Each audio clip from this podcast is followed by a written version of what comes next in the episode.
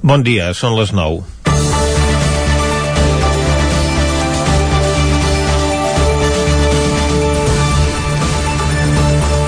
Que l'arribada del vaccí de la Covid-19 suposi la llum al final del túnel de la pandèmia també desencadena aquesta conducta tan arrelada a la nostra societat com és la picaresca.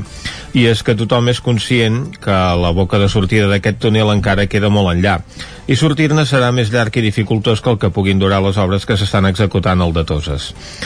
El cas és que estan aflorant casos d'incompliment dels criteris de vacunació que donen prioritat als més vulnerables i les persones que els atenen.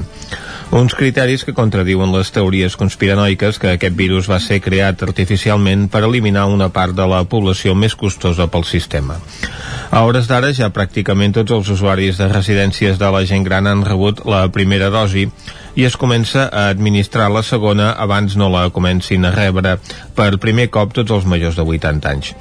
Però mentrestant hi ha espavilats que ja s'han vacunat abans que els toqui. A la Comunitat de Madrid, una investigació del diari Ponès denunciava el cas d'una residència de gent gran on algunes dosis es van administrar a familiars i amics. A Catalunya van ser l'alcalde de Riudoms i un regidor també de Junts per Catalunya els que es van administrar sense contemplacions unes dosis sobrants a la residència adduint que a motiu del càrrec hi han d'anar sovint de visita. A tres infermeres de les Terres de l'Ebre se'ls ha obert un expedient per administrar el vaccí a familiars en lloc dels usuaris d'una residència. I ara mateix hi ha oberta una investigació per si s'han vacunat directius d'empreses vinculades al sistema d'emergències mèdiques que no tracten amb pacients. Però hi ha més casos. El PSOE ha obert expedient i ha suspès de militància tres alcaldes del País Valencià i un de Còrdoba que també es van fer vacunar. També al País Valencià s'ha obert expedient un alcalde del PP que va fer el mateix. A Bilbao han estat dos alts càrrecs a la sanitat al País Basc, els que es van fer administrar la primera dosi saltant-se el protocol. Tots dos havien estat regidors del PNB, un dels quals ha dimitit i l'altre ha estat cessat. Finalment, ahir també cedia les pressions al conseller de Salut de la Comunitat de Múrcia, on ell, la seva dona i cap a 400 treballadors de la seva conselleria van rebre la primera injecció encara que no els correspongués.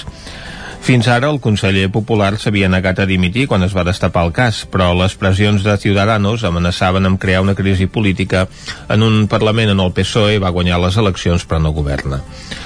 El comportament de tots aquests representants públics posa de manifest la seva integritat moral, que acceptin vacunar-se saltant-se els protocols i per davant d'altres representants públics amb major responsabilitat que ells, posa de manifest que si estan en política no és per servir als seus ciutadans, sinó per servir-se ells mateixos. Això sí, estan fent la millor propaganda possible davant dels que dubten de l'eficàcia del vaccí. Comencem Territori 17, a la sintonia del 9 FM, la veu de Sant Joan, Ona Codinenca, Ràdio Cardedeu i el 9 TV. Territori 17, amb Vicenç Vigues i Jordi Sunyer.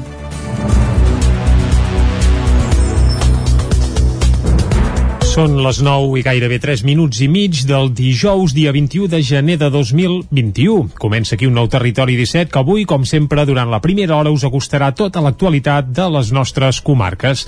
Després, com cada dijous, tindrem secció de cinema, recuperarem també les visites de Jordi Soler, que ens alegrarà interiorment amb la secció de PNL, i també acabarem al punt de les 12 del migdia amb el racó de pensar amb Maria López. Tot això i molt més, des d'ara mateix i fins a les 12 del migdia. I com sempre el fem ara és arrencar tot fent un repàs a l'actualitat de les nostres comarques, les comarques del Ripollès, Osona, el Moianès i el Vallès Oriental.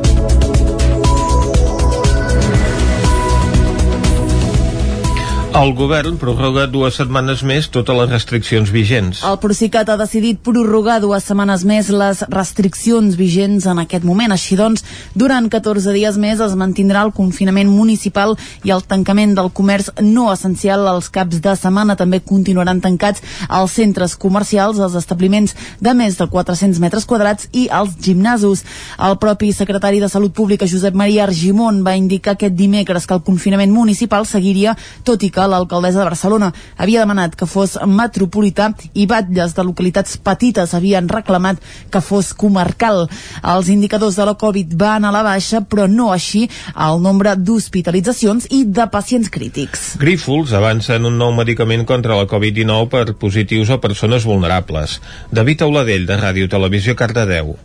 La farmacèutica ballesana Grífols podria haver desenvolupat un medicament clau per a lluitar contra la Covid-19.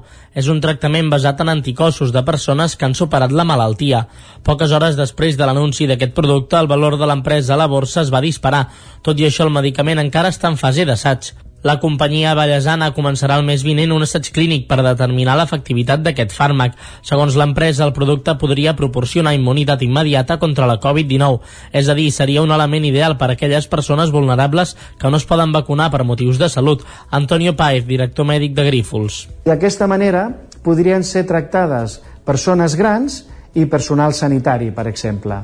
També es podria utilitzar en alguns pacients immunodeficients en els quals la vacuna no està recomanada. Segons la companyia, aquest medicament es podria subministrar als centres d'atenció primària, cosa que permetria reduir la càrrega de feina als hospitals. Antonio Paez.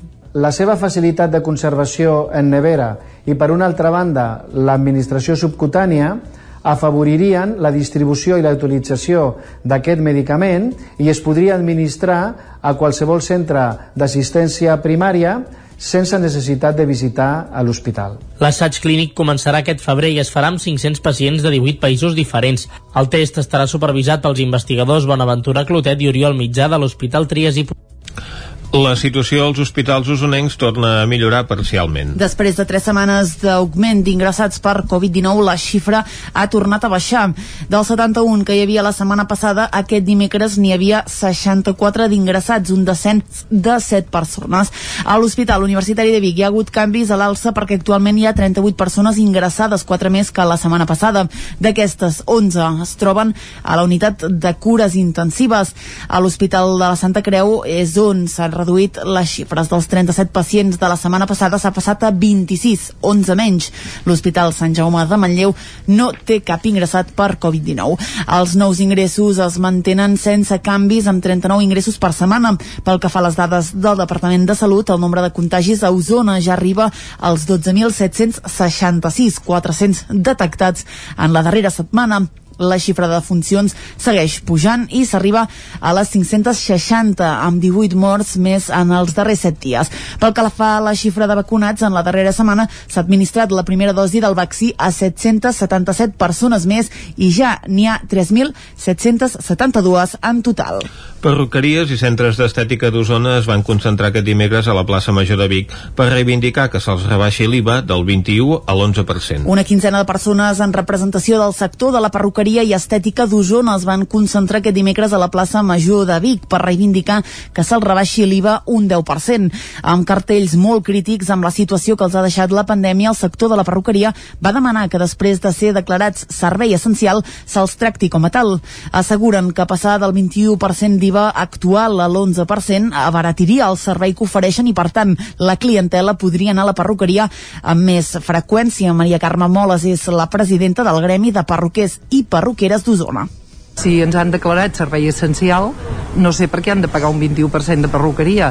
Primera, doncs això, els hi sortiria el tiquet doncs, més arreglat de preu i segona, també estem contentíssims de que ens hagin declarat servei essencial. A nosaltres pròpiament potser res, és, és doncs, la freqüència del client que pugui venir eh, més a la perruqueria eh, directament amb ingressos a nosaltres no, no ens afecta, però sí que defensem aquest tiquet per al client. La concentració d'aquest dimecres també va servir per demanar que no se'ls apliqui el confinament municipal si som servei essencial hauríem de poder fer els clients que són almenys de comarca. Vull dir que hi ha un pilot de coses que estem treballant des de les associacions i avui una d'elles, doncs, com moltes, altres que anem fent, doncs avui és la reducció de l'IVA perquè doncs al client eh, li facilitem doncs el poder anar a la perruqueria doncs inclús a un preu més assequible. La concentració es va seguir de forma simultània a altres capitals catalanes i de la resta de l'estat espanyol. Els grups del Consell Comarcal del Ripollès aproven una moció per reclamar més ajudes a la Generalitat i a l'estat espanyol arran dels efectes del confinament perimetral de Nadal. Isaac Muntades, des de la veu de Sant Joan. El Consell Comarcal del Ripollès va aprovar per unanimitat una moció d'urgència en el darrer ple per reclamar al govern de la Generalitat, el de l'estat espanyol i també els organismes europeus l'ampliació de les compensacions econòmiques per als negocis afectats pel tancament perimetral del Ripollès de les festes de Nadal arran de la crisi sanitària. El vicepresident del PSC de l'ENS, Enric Pérez, va dir que les ajudes impulsades pel govern pel sector turístic de la restauració i el comerç són un pas endavant, però insuficients. Pérez també va mostrar el seu malestar pel tracte rebut des del govern a l'hora de prendre les mesures. Manifestar un descontent gairebé, jo diria, una certa indignació pel menysteniment que s'ha tingut amb l'administració local al llarg doncs, de tot aquest, aquest fet, aquest anunci de confinament comarcal o l'anunci i, i proposta de repartiment d'aquestes compensacions. Per una part, creiem que no és admissible no es prendre una determinació de, amb l'impacte econòmic que té pel, pel nostre territori sense haver comptat mínimament, amb, almenys amb l'opinió de, del president del Consell Comarcal i dels alcaldes, i el, el fet després de les reunions que s'han anat succeint, reunions una mica sobre fets consumats, sobre com el volum de les ajudes que hi hauria, sobre com anirien rapides. Un fet que va compartir el conseller de la CUP, Àlex Medrano, que va dir que la decisió era centralista i s'havia pres des d'un despatx. El president del Consell, Joaquim Colomer, va aprofitar el debat per demanar el confinament comarcal una altra vegada després d'anunciar que hi haurà més municipis i consells comarcals que s'uniran a la reivindicació feta per les comarques de l'Alt Pirineu i l'Aran ara fa uns dies. Pérez va reivindicar que alguns sectors com el primari amb els productors agroalimentaris al capdavant, el dels transportistes o les empreses de distribució s'havien quedat sense rebre ni un euro. Per això va exigir que s'impulsés un altre paquet de compensacions econòmiques i que el govern de l'Estat també plantegi una bonificació d'impostos. Precisament el grup d'Esquerra Republicana de Catalunya havia trobat a faltar que en el text inicial no reclamessin ajudes al govern del PSOE, tal com deia el seu portaveu Roger Bosch. Tota aquesta crida no ens, la, no ens quedem només a, a la Generalitat, sinó que ho elevem i de forma important, que pensem que aquí també és el màxim responsable a l'hora de donar resposta a nivell econòmic, perquè de fet és qui cobra major part tots els impostos, és l'Estat. I per tant no entrem com aquí no, no hi apareix l'Estat, com a també ens ha fet arribar doncs, aquesta, aquesta demanda de tenir aquesta resposta. I com no, siguem ambiciosos i també hi posem Europa, eh? que ens falta. Els republicans també van fer un matís amb el fet que la moció demanés ajudes per poder pagar els lloguers dels locals i els sous del personal afectat, ja que això últim li correspon al CEPE. El conseller Sergi Albric també va recordar que quan es va decidir el confinament comarcal, les dades sanitàries del Ripollès eren molt dolentes i no es podia posar en perill la vida dels ripollesos. En canvi, Medrano va ser molt crític amb els polítics perquè considerava que s'havia desmantellat el sistema sanitari. Tant ell com el PSC van apuntar que la comarca té un dèficit de professionals, d'infraestructures sanitàries i de recursos. Mollet del Vallès es troba entre les ciutats europees amb més morts per contaminació d'un rànquing que lidera Madrid i també hi entra Barcelona. David Auladell, de Ràdio Televisió, Cardedeu. Concretament, la ciutat ballesana es troba en la posició número 7 del top 10 del rànquing, només una posició per sota de Barcelona. Es tracta d'una de les ciutats amb major mortalitat vinculada a la contaminació de l'aire que causa el diòxid de nitrogen, associat sobretot al trànsit rodat. Són dades d'un estudi publicat a The Lancet Planetary Health que ha estimat per primera vegada la càrrega de mortalitat atribuïble a la contaminació de l'aire en més de 1.000 ciutats europees. L'ha liderat l'Institut de Salut Global de Barcelona, en col·laboració amb investigadors del Swiss Tropical and Public Health Health Institute i la Universitat d'Utrecht. Si es complissin les recomanacions de l'Organització Mundial de la Salut quant a la contaminació de l'aire per diòxid de nitrogen en totes les seves àrees, en el cas de Madrid i la seva àrea metropolitana, es calcula que s'evitarien 206 morts anuals, mentre que en el cas de Barcelona serien 82.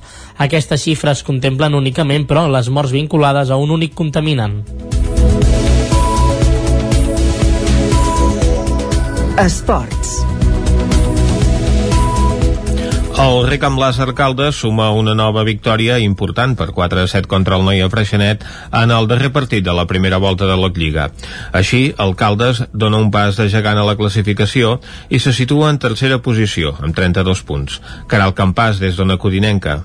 Els de Candami van disputar dimarts contra el Noia en una actuació solvent amb minuts de gran joc que van acabar decantant la balança pels ballesans. Cristian Rodríguez va tornar a ser l'encarregat d'encetar el marcador pels calderins, en aquest cas tot just a l'inici del partit. La resposta del Noia no va arribar fins 10 minuts després i va servir de poc després dels encerts d'alcaldes que signaven l'1 a 3 al temps de descans. La segona part va començar amb oportunitats per tots dos equips i certa tensió traduïda en nombroses faltes i en dues amonestacions, una pel Noia i l'altra pel Caldes. No va ser fins 10 minuts després que va tornar a haver-hi moviment al marcador per intercalar els gols que quedaven per arribar al 4-7 definitiu. Amb aquest resultat, el Caldes tanca una primera volta històrica amb 10 victòries en 15 partits i ocupant la tercera posició a la classificació, a l'espera que el Reus pugui disputar el partit que té pendent. El seu pròxim rival serà el Girona, que rebrà a l'equip d'Eduard Candami aquest dissabte a les 8 del vespre. I fins aquí el butlletí informatiu que us hem ofert amb les veus de Vicenç Vigues, Clàudia Dinarès, David Auladell, Caral Campàs i Isaac Muntades. Ara el que toca és saber el temps que ens espera per a les properes hores.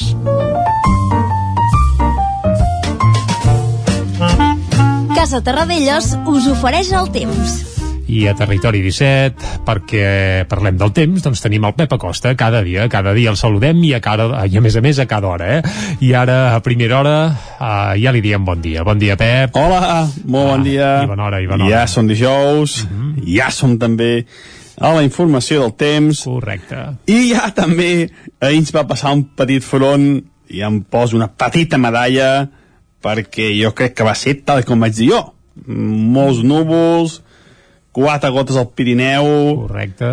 Uh, temperatures força suaus, no són baixes les temperatures, i és que ara tenim aquesta dinàmica de vents de ponent, vents d'oest, que de moment no bufen forts, però atenció als pròxims dies, que bufaran de manera important, i aquests vents de ponent són així. Ens van portar en fronts, però són molt poc actius, molt poca cosa, i eh, a més fa que la temperatura sigui suau, que sigui força, força eh, alta, agradable per, a, per les circumstàncies, per les dates en què estem. Mm -hmm. eh, I sembla que aquesta circulació de vents de ponent durarà forces dies, eh? però bueno, anem a pams, anem a pams. Primer eh, direm el temps que fa avui, que farà avui, i és que avui serà un dia força tranquil. Ara mateix, no glaça, no glaça ni molt menys, temperatures només negatives, alta muntanya, 2-3 sota 0 i de Ter, 1 sota 0 a Núria, però unes temperatures bastant suaus, uh, suaus jo diria, sí. una mica més altes de les normals, uh, les altres poblacions de les nostres comarques, eh, 4-5 graus a Vic, també a Mollà, eh, cap al prelitoral més alta, fins i tot 7-8 graus cap a Granollers, unes temperatures bastant, bastant altes per l'època de l'any. Es nota aquesta, eh, aquest nou panorama, aquests vents de ponent que seran els grans protagonistes els pròxims dies.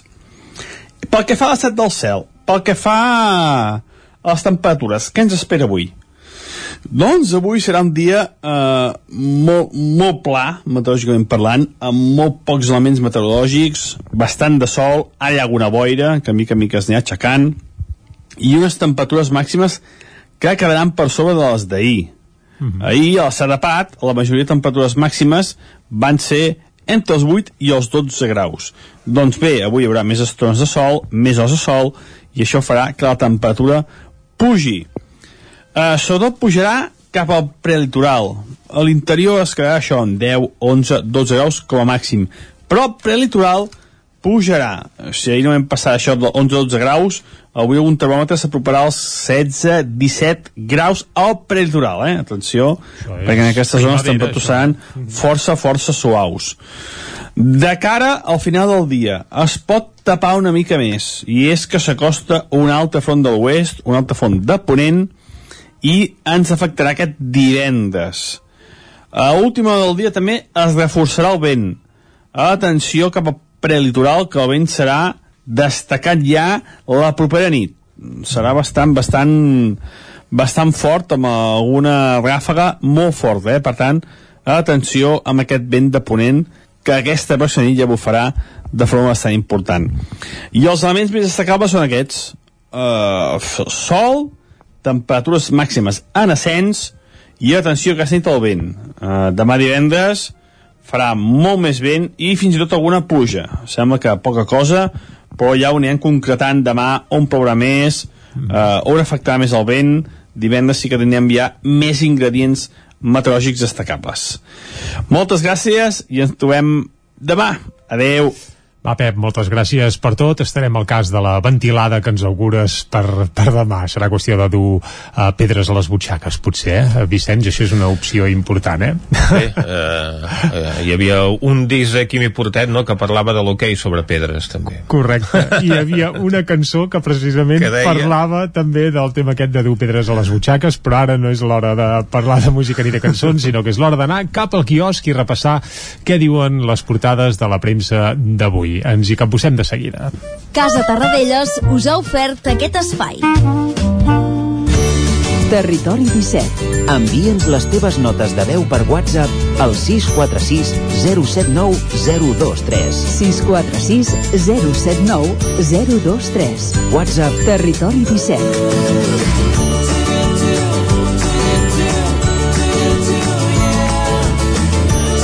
Territori 17. Som a Facebook, Twitter i Instagram amb l'usuari Territori 17.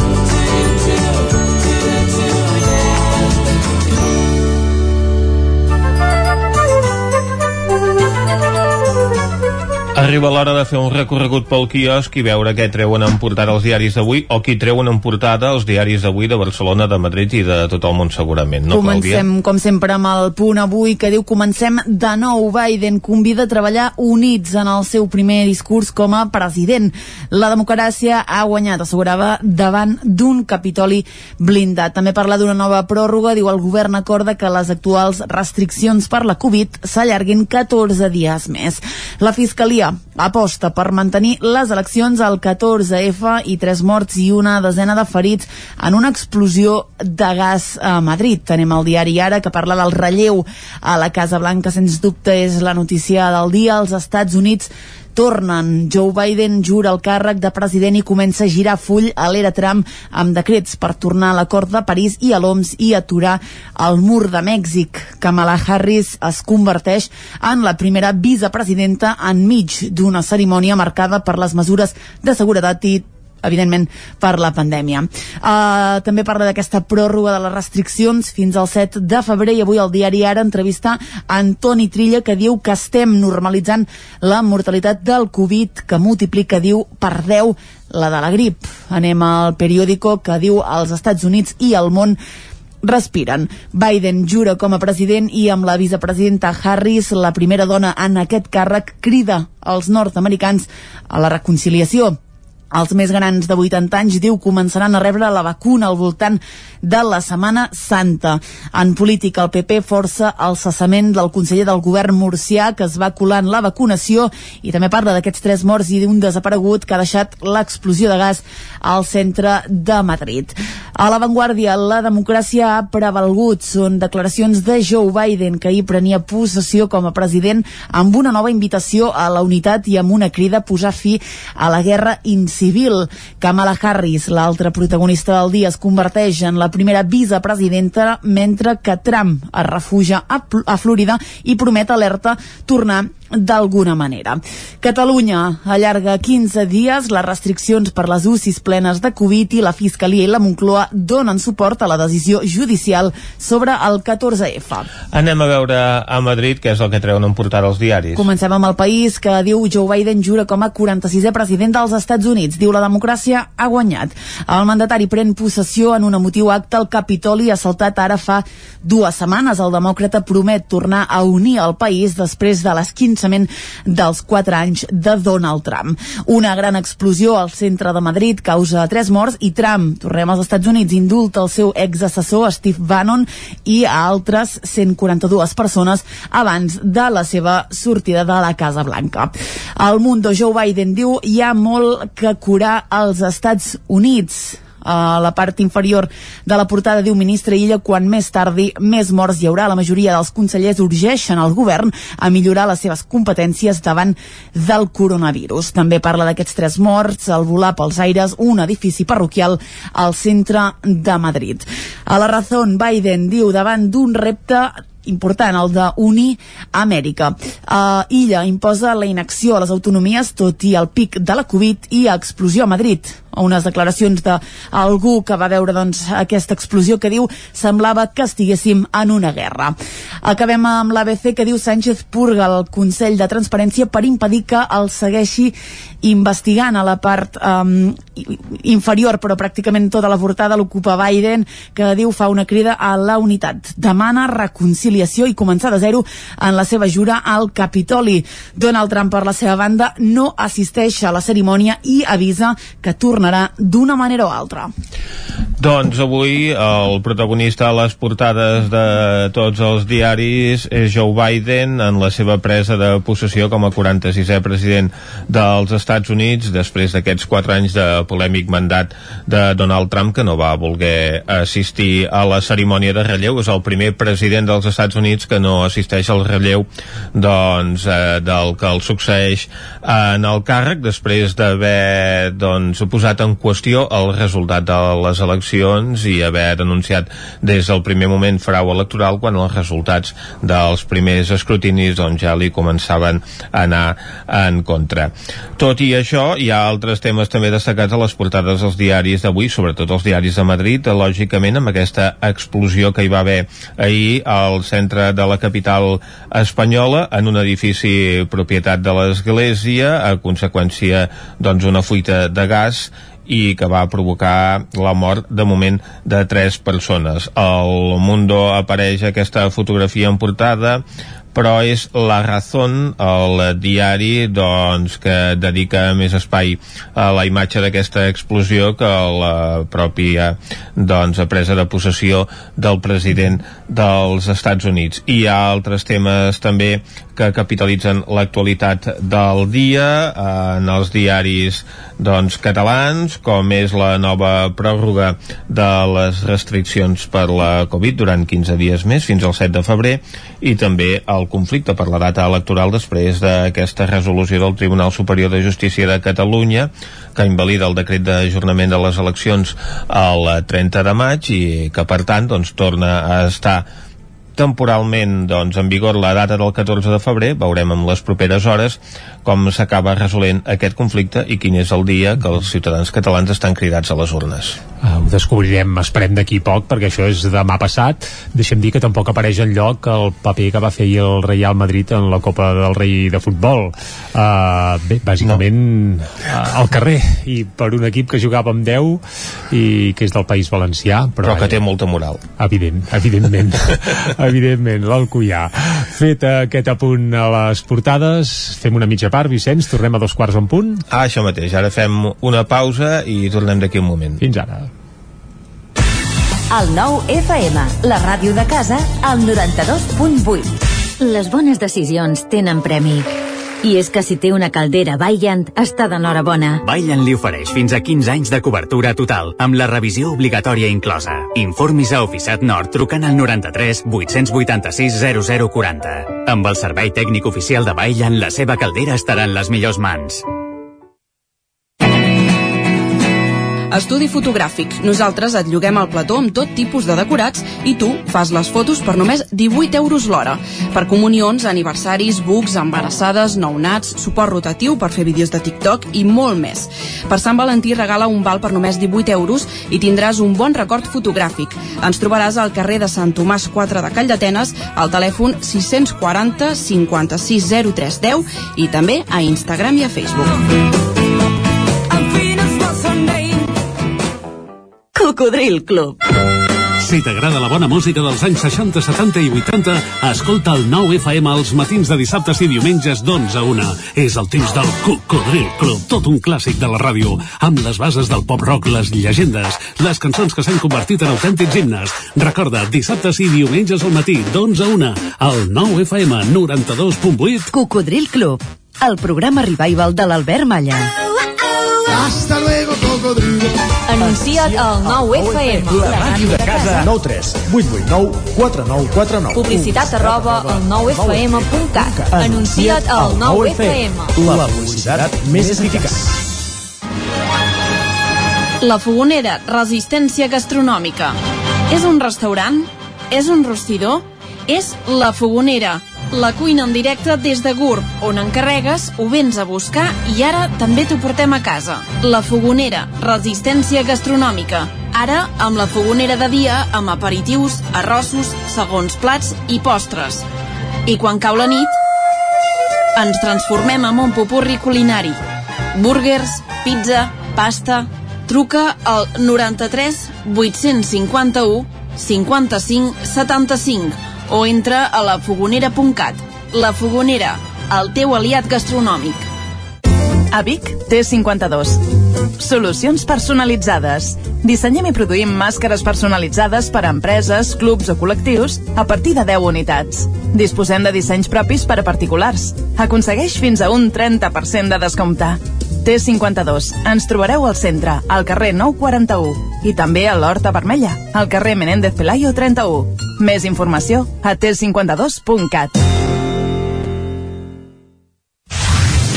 El nou FM, el nou FM, el nou FM, el nou FM, el nou FM. Territori 17, amb Vicenç Vigues i Jordi Sunyer. Són dos quarts de deu en punt d'avui dijous, dia 21 de gener de 2021. Avui va de 21.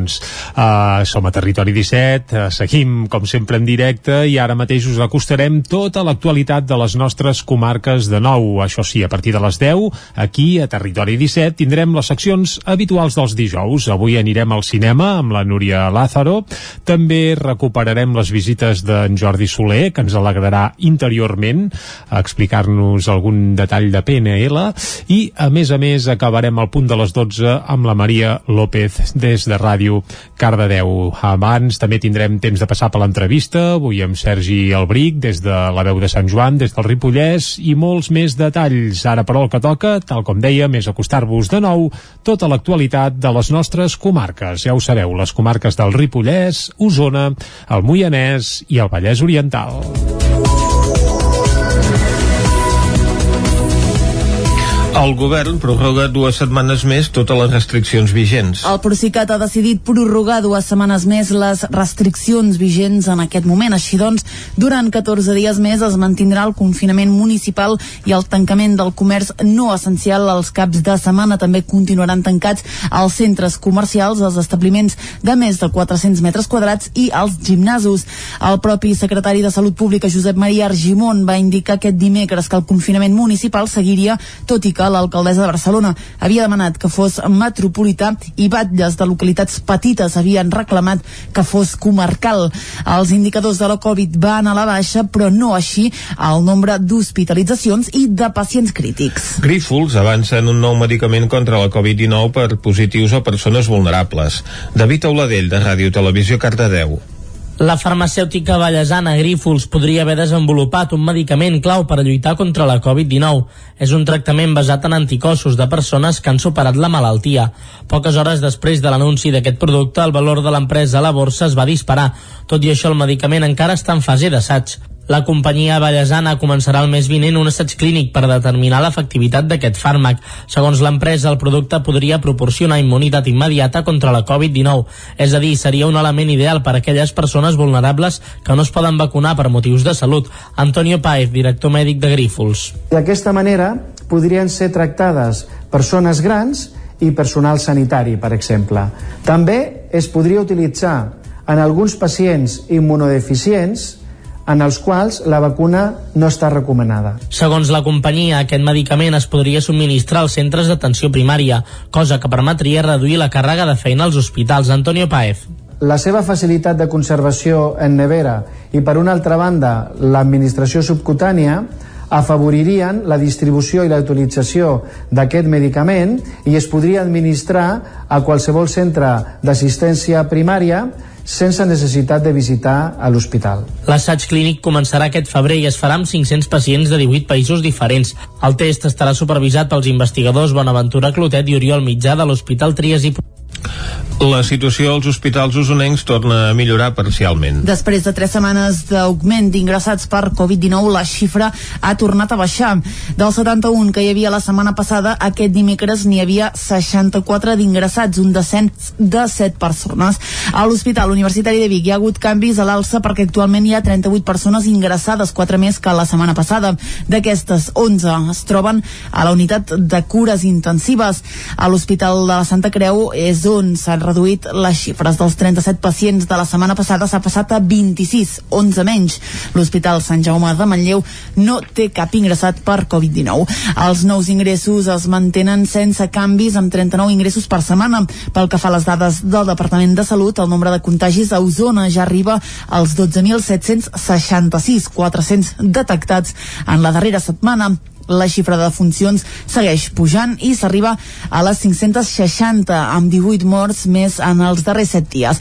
Pel que fa a la xifra de vacunats, en la darrera setmana s'ha administrat la primera dosi del vaccí a 777 persones més i ja n'hi ha 3.772 en total. Perruqueries i centres d'estètica d'Osona es van concentrar aquest dimecres a la plaça Major de Vic per reivindicar que se'ls rebaixi l'IVA del 21 a l'11%. Una quinzena de persones en representació del sector de la perruqueria i estètica d'Osona es van concentrar aquest dimecres a la plaça Major de Vic per reivindicar que se'ls rebaixi l'IVA un 10%. Amb cartells molt crítics amb la situació que els ha deixat la pandèmia, el sector de la perruqueria va demanar que després de ser declarats servei essencial se'ls tracti com a tal. Asseguren que passar del 21% d'IVA actual a l'11% abaratiria el servei que ofereixen i, per tant, la clientela podria anar a la perruqueria amb més freqüència. Maria Carme Moles és la presidenta del Gremi de Perruquers i Perruqueres d'Osona. Si ens han declarat servei essencial, no sé per què han de pagar un 21% de perruqueria. Primera, doncs això, els hi sortiria el tiquet doncs, més arreglat de preu i segona, també estem contentíssims de que ens hagin declarat servei essencial. A nosaltres pròpiament potser res, és, és doncs, la freqüència del client que pugui venir eh, més a la perruqueria eh, directament amb ingressos a nosaltres no, no ens afecta, però sí que defensem aquest tiquet per al client. La concentració d'aquest dimecres també va servir per demanar que no se'ls apliqui el confinament municipal si som servei essencial hauríem de poder fer els clients que són almenys de comarca vull dir que hi ha un pilot de coses que estem treballant des de les associacions i avui una d'elles, doncs, com moltes altres que anem fent, doncs avui és la reducció de l'IVA perquè doncs al client eh, li facilitem doncs el poder anar a la perruqueria doncs inclús a un preu més assequible La concentració es va seguir de forma simultània a altres capitals catalanes i de la resta de l'estat espanyol. Els grups del Consell Comarcal del Ripollès aproven una moció per reclamar més ajudes a la Generalitat i a l'estat espanyol arran dels efectes del confinament perimetral de Nadal. Isaac Muntades, des de la veu de Sant Joan.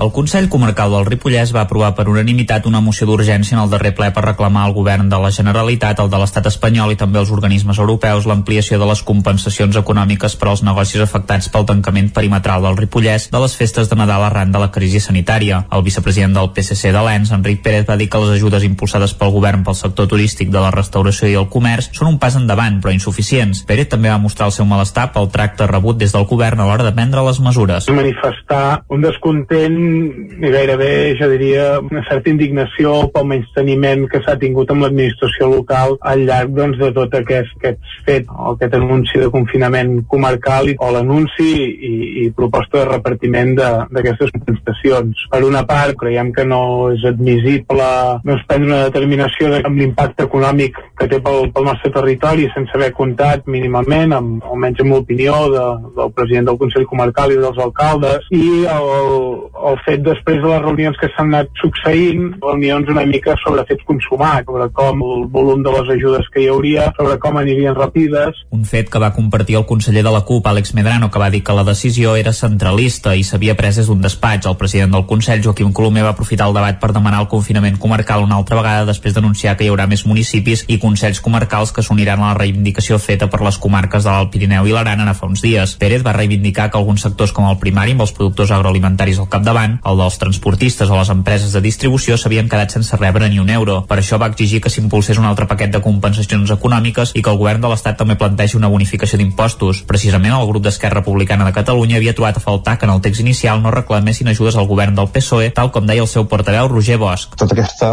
crida no ens, la, no ens quedem només a, a la Generalitat, sinó que ho elevem i de forma important, que pensem que aquí també és el màxim responsable a l'hora de donar resposta a nivell econòmic, perquè de fet és qui cobra major part tots els impostos és l'Estat i per tant no entenem com aquí no, no hi apareix l'Estat com també ens ha fet arribar doncs, aquesta, aquesta demanda i aquesta resposta i com no, siguem ambiciosos i també hi posem Europa, eh, ens falta. Els republicans també van fer un matís amb el fet que la moció demanés ajudes per poder pagar els lloguers dels locals i els sous del personal afectat, ja que això últim li correspon al CEPE. El conseller Sergi Albric també va recordar que quan es va decidir el confinament comarcal les dades sanitàries del Ripollès eren molt dolentes i no es podia posar en perill la vida dels ripollesos. En canvi, Medrano va ser molt crític amb els polítics perquè considerava que s'havia desmantellat el sistema sanitari. Tant ell com el PSC van apuntar que la comarca té un dèficit de professionals, d'infraestructures sanitàries i de recursos.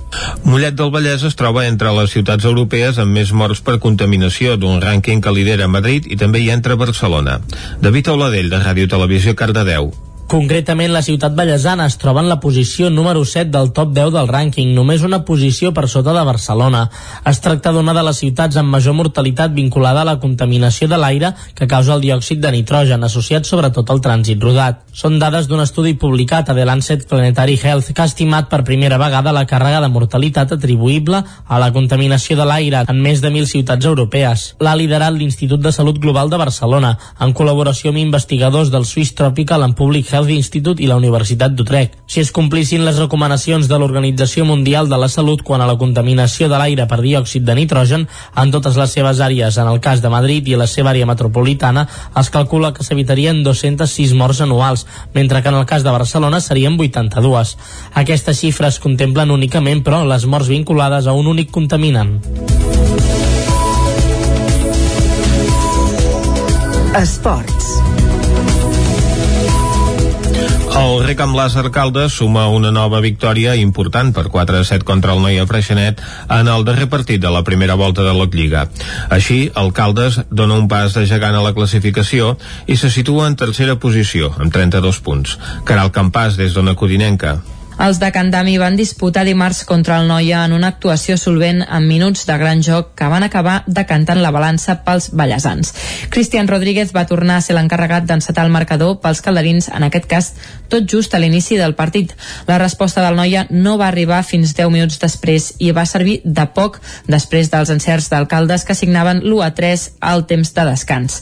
La segona part va començar amb oportunitats per tots dos equips i certa tensió traduïda en nombroses faltes i en dues amonestacions, una pel Noia i l'altra pel Caldes. No va ser fins 10 minuts després que va tornar a haver-hi moviment al marcador per intercalar els gols que quedaven per arribar al 4-7 definitiu. Amb aquest resultat, el Caldes tanca una primera volta històrica amb 10 victòries en 15 partits i ocupant la tercera posició a la classificació, a l'espera que el Reus pugui disputar el partit que té pendent.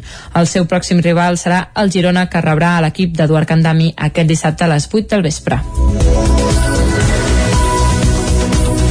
I fins aquí el butlletí informatiu que us hem ofert amb les veus de Vicenç Vigues, Clàudia Dinarès, David Auladell, Caral Campàs i Isaac Muntades. Ara el que toca és saber el temps que ens espera per a les properes hores.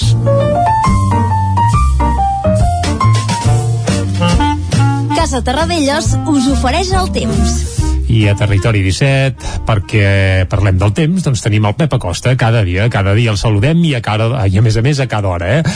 I ara, a primera hora, uh, ja li diem bon dia. Bon dia, Pep. Hola, molt bon dia. I bona hora, i bona hora. Ja som dijous, uh -huh. ja som també a la informació del temps. Correcte. I ja també ahir ens va passar un petit front i em poso una petita medalla perquè jo crec que va ser tal com vaig dir jo. Molts núvols, quatre gotes al Pirineu... Correcte. Uh, temperatures força suaus, no són baixes les temperatures, i és que ara tenim aquesta dinàmica de vents de ponent, vents d'oest, que de moment no bufen forts, però atenció els pròxims dies, que bufaran de manera important, i aquests vents de ponent són així. Ens van portar en fronts, però són molt poc actius, molt poca cosa, i eh, a més fa que la temperatura sigui suau, que sigui força, força eh, alta, agradable per, a, per les circumstàncies, per les dates en què estem. Mm -hmm. eh, I sembla que aquesta circulació de vents de ponent durarà forces dies, eh? però bueno, anem a pams, anem a pams. Primer eh, direm el temps que fa avui, que farà avui, i és que avui serà un dia força tranquil. Ara mateix, no glaça, no glaça ni molt menys. Temperatures només negatives, alta muntanya, 2-3 sota 0 i de Ter, 1 sota 0 a Núria, però unes temperatures bastant suaus, uh, suaus jo diria, sí. una mica més altes de les normals uh, les altres poblacions de les nostres comarques eh, 4-5 graus a Vic, també a Mollà eh, cap al prelitoral més alta fins i tot 7-8 graus cap a Granollers unes temperatures bastant, bastant altes per l'època de l'any. Es nota aquesta, eh, aquest nou panorama, aquests vents de ponent que seran els grans protagonistes els pròxims dies. Pel que fa a l'estat del cel, pel que fa a les temperatures, què ens espera avui?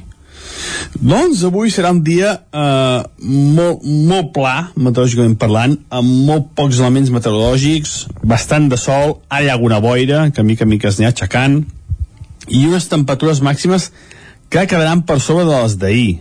Mm -hmm. Ahir, a la Sadapat, la majoria de temperatures màximes van ser entre els 8 i els 12 graus. Doncs bé, avui hi haurà més estones de sol, més hores de sol, i això farà que la temperatura pugi. Uh, sobretot pujarà cap al prelitoral. A l'interior es quedarà això en 10, 11, 12 graus com a màxim. Però el prelitoral pujarà. Si ahir no vam passar això de 11-12 graus, avui un termòmetre s'aproparà als 16-17 graus al prelitoral, eh? Atenció, perquè en aquestes zones temperatures seran força, força suaus. De cara al final del dia, es pot tapar una mica més, i és que s'acosta un altre front de l'oest, un altre front de ponent, i ens afectarà aquest divendres. A última del dia també es reforçarà el vent. Atenció cap al prelitoral, que el vent serà destacat ja la propera nit. Serà bastant, bastant, bastant fort, amb alguna ràfaga molt forta, eh? Per tant, atenció amb aquest vent de ponent, que aquesta pròxima nit ja bufarà de forma bastant important. I els elements més destacables són aquests. Uh, sol, temperatures màximes en ascens i atenció que nit el vent. Uh, demà divendres farà molt més vent i fins i tot alguna pluja. Sembla que poca cosa, però ja ho anirem concretant demà on plourà més, uh, on afectarà més el vent, divendres sí que tindrem ja més ingredients meteorològics destacables. Moltes gràcies i ens trobem demà. Adeu. Va, Pep, moltes gràcies per tot. Estarem al cas de la ventilada que ens augures per, per demà. Serà qüestió de dur uh, pedres a les butxaques, potser, eh? Vicenç, això és una opció important, eh? Sí, uh, uh, hi havia un disc de Quimi Portet no, que parlava de l'hoquei sobre pedres, també. Correcte. Hi havia una cançó que precisament que deia... parlava també del tema aquest de dur pedres a les butxaques, però ara no és l'hora de parlar de música ni de cançons, sinó que és l'hora d'anar cap al quiosc i repassar què diuen les portades de la premsa d'avui avui. Ens hi capbussem de seguida. Casa Tarradellas us ha ofert aquest espai. Territori 17. Envia'ns les teves notes de veu per WhatsApp al 646 079 023. 646 079 023. WhatsApp Territori 17.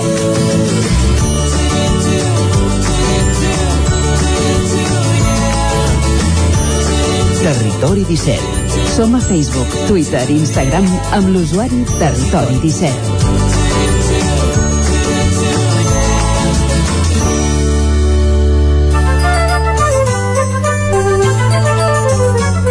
Arriba l'hora de fer un recorregut pel quiosc i veure què treuen en portada els diaris d'avui o qui treuen en portada els diaris d'avui de Barcelona, de Madrid i de tot el món segurament, no, Comencem, com sempre, amb el punt avui que diu comencem de nou. Biden convida a treballar units en el seu primer discurs com a president.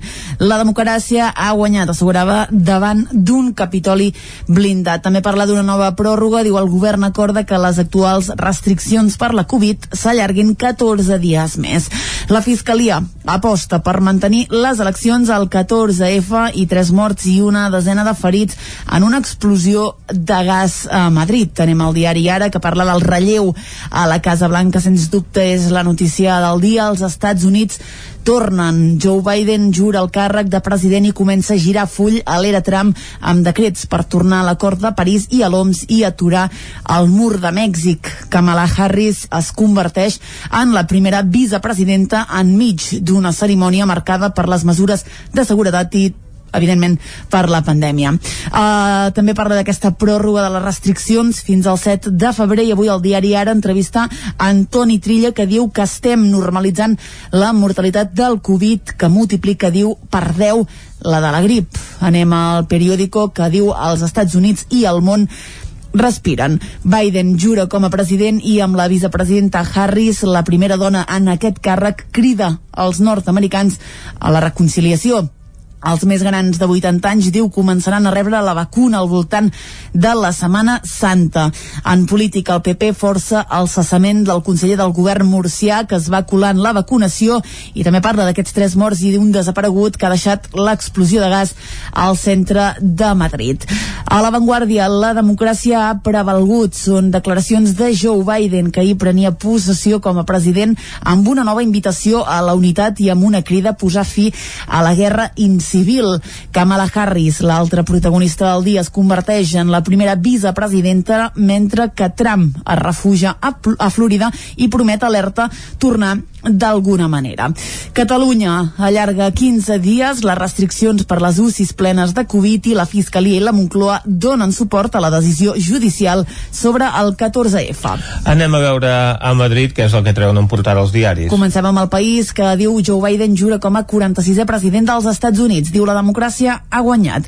El mandatari pren possessió en un emotiu acte al Capitoli assaltat ara fa dues setmanes. El demòcrata promet tornar a unir el país després de les 15 començament dels 4 anys de Donald Trump. Una gran explosió al centre de Madrid causa tres morts i Trump, tornem als Estats Units, indulta el seu exassessor Steve Bannon i a altres 142 persones abans de la seva sortida de la Casa Blanca. El Mundo Joe Biden diu hi ha molt que curar als Estats Units a la part inferior de la portada diu ministre Illa quan més tardi més morts hi haurà. La majoria dels consellers urgeixen al govern a millorar les seves competències davant del coronavirus. També parla d'aquests tres morts al volar pels aires un edifici parroquial al centre de Madrid. A la raó, Biden diu davant d'un repte important, el d'unir Amèrica. Uh, Illa imposa la inacció a les autonomies tot i el pic de la Covid i explosió a Madrid. Unes declaracions d'algú que va veure doncs, aquesta explosió que diu semblava que estiguéssim en una guerra. Acabem amb l'ABC que diu Sánchez purga el Consell de Transparència per impedir que el segueixi investigant a la part um, inferior, però pràcticament tota la portada l'ocupa Biden, que diu fa una crida a la unitat. Demana reconciliació conciliació i començar de zero en la seva jura al Capitoli. Donald Trump, per la seva banda, no assisteix a la cerimònia i avisa que tornarà d'una manera o altra. Doncs avui el protagonista a les portades de tots els diaris és Joe Biden en la seva presa de possessió com a 46è president dels Estats Units després d'aquests 4 anys de polèmic mandat de Donald Trump que no va voler assistir a la cerimònia de relleu. És el primer president dels Estats Estats Units que no assisteix al relleu doncs, eh, del que el succeeix en el càrrec després d'haver doncs, posat en qüestió el resultat de les eleccions i haver denunciat des del primer moment frau electoral quan els resultats dels primers escrutinis doncs, ja li començaven a anar en contra. Tot i això, hi ha altres temes també destacats a les portades dels diaris d'avui, sobretot els diaris de Madrid, lògicament amb aquesta explosió que hi va haver ahir als centre de la capital espanyola en un edifici propietat de l'Església a conseqüència doncs fuita de gas i que va provocar la mort de moment de tres persones. Al Mundo apareix aquesta fotografia en portada, però és La Razón, el diari doncs, que dedica més espai a la imatge d'aquesta explosió que a la pròpia doncs, presa de possessió del president dels Estats Units. I hi ha altres temes també que capitalitzen l'actualitat del dia en els diaris doncs, catalans com és la nova pròrroga de les restriccions per la Covid durant 15 dies més, fins al 7 de febrer, i també el conflicte per la data electoral després d'aquesta resolució del Tribunal Superior de Justícia de Catalunya, que invalida el decret d'ajornament de les eleccions el 30 de maig i que, per tant, doncs, torna a estar temporalment doncs, en vigor la data del 14 de febrer, veurem en les properes hores com s'acaba resolent aquest conflicte i quin és el dia que els ciutadans catalans estan cridats a les urnes. Ja ho veurem, doncs, Vicenç, aviam quin dia acabem anant a votar, si serà el 14 de febrer o si serà, eh, vés a saber, el març o el maig, tal com en teoria ens havien venut, 30 de maig, era la data que havia de ser eh, la definitiva. Haurem d'esperar això en els propers dies per saber exactament com acaba tot aquest embolic. Bé, tampoc en podem esperar gaires, perquè si no. la maquinària no s'atura, divendres vinent, no demà, sinó el que ve, hauria de començar ja la campanya electoral. Per tant, això és a la cantonada. Tot i que, com que no serà una campanya amb actes al Palau Sant Jordi, doncs no, és més això... fàcil d'organitzar. Bé, sigui com sigui, haurem d'estar al cas del calendari electoral, que com sempre passa últimament aquí a aquest país, eh, qui el tria no són els polítics, sinó els jutges i fiscals. No? És a dir, trien ja qui és president, qui no, la data, és, és Vaja, tant és, però no anem aquí. Ara volem anar a parlar de música, com Va. sempre fins a arribar al punt de les 10, el que fem és acostar-vos alguna novetat, algun, alguna curiositat, i avui, com que la gran notícia d'ahir, a nivell mundial, no a territori 17, però sí a nivell mundial, va ser segurament la presa de, possia, de possessió del Joe Biden, mhm. -huh. doncs volem dedicar una cançó no al Biden, sinó a qui se'n va anar, al Donald Trump. Carai. I a qui hem recorregut? Doncs hem recorregut a un xicot que jo fins ahir em pensava pensava que no era del territori 17, però resulta que sí. Uh, va, a començarem a donar pistes, aviam si algú cap ensopegant de qui estem parlant. A veure. És un xicot uh, que va néixer al barri d'Horta de Barcelona, que té més de 50 anys, que ha editat una dotzena de discos, que porta més de 2.500 concerts en directe, que en fa molts de concerts en directe,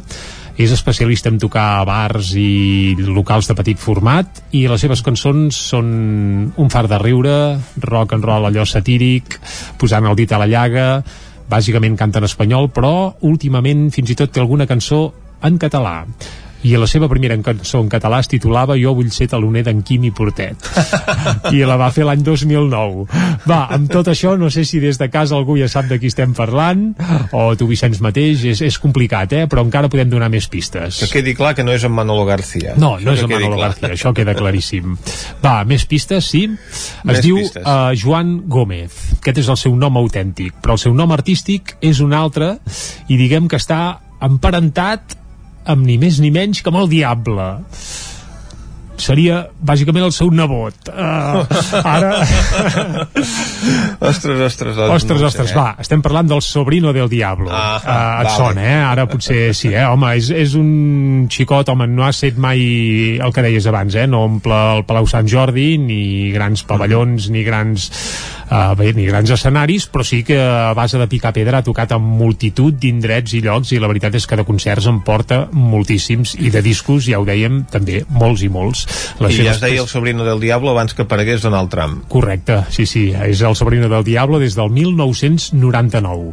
Mm. Uh, però el que dèiem, la gran novetat, ahir vam descobrir que el sobrino del Diablo és usonenc. Resulta Ara, que fa un any que viu a una masia a Sant Pere de Torelló. Uh, això és real, eh? I a mm -hmm. més a més no de cos casualitat, sinó que bé, allò que passa sovint, eh? Uh, uh -huh. va trobar-hi l'amor uh -huh. i, i ara viu doncs, a Sant Pere de Torelló des d'un mes abans del confinament, per tant ho va replegar pels pèls, és a dir, gairebé es queda confinat a Horta, allà amb un piset uh, sense poder sortir sense poder sortir de casa, però no, afortunadament doncs ja era Sant Pere de Torelló i des d'allà, uh, des de llavors el que es dedica és a fer molts concerts en streaming uh -huh. uh, on la gent que l'escolta des de casa o des d'on vulgui doncs doncs tria el repertori i nosaltres també ens triem el repertori i avui hem volgut repescar una cançó dedicada, com dèiem abans, al Donald Trump. La cançó es diu McDonald Trump i és una cançó que apareix en el darrer disc del Sobrino del Diablo, el disc es diu Horta, Transilvània i el Far West. I en aquest disc hi ha un total de 21 peces, el Sobrino sempre és generós a l'hora de posar tracks als discos i una d'elles és aquest McDonald Trump cantat, atenció, a duet eh, amb una seva filla. Carai l'escoltem? Oh, i tant. Bueno, ja l'estem escoltant de fons, eh? McDonald Trump, amb això arribem fins al punt de les 10.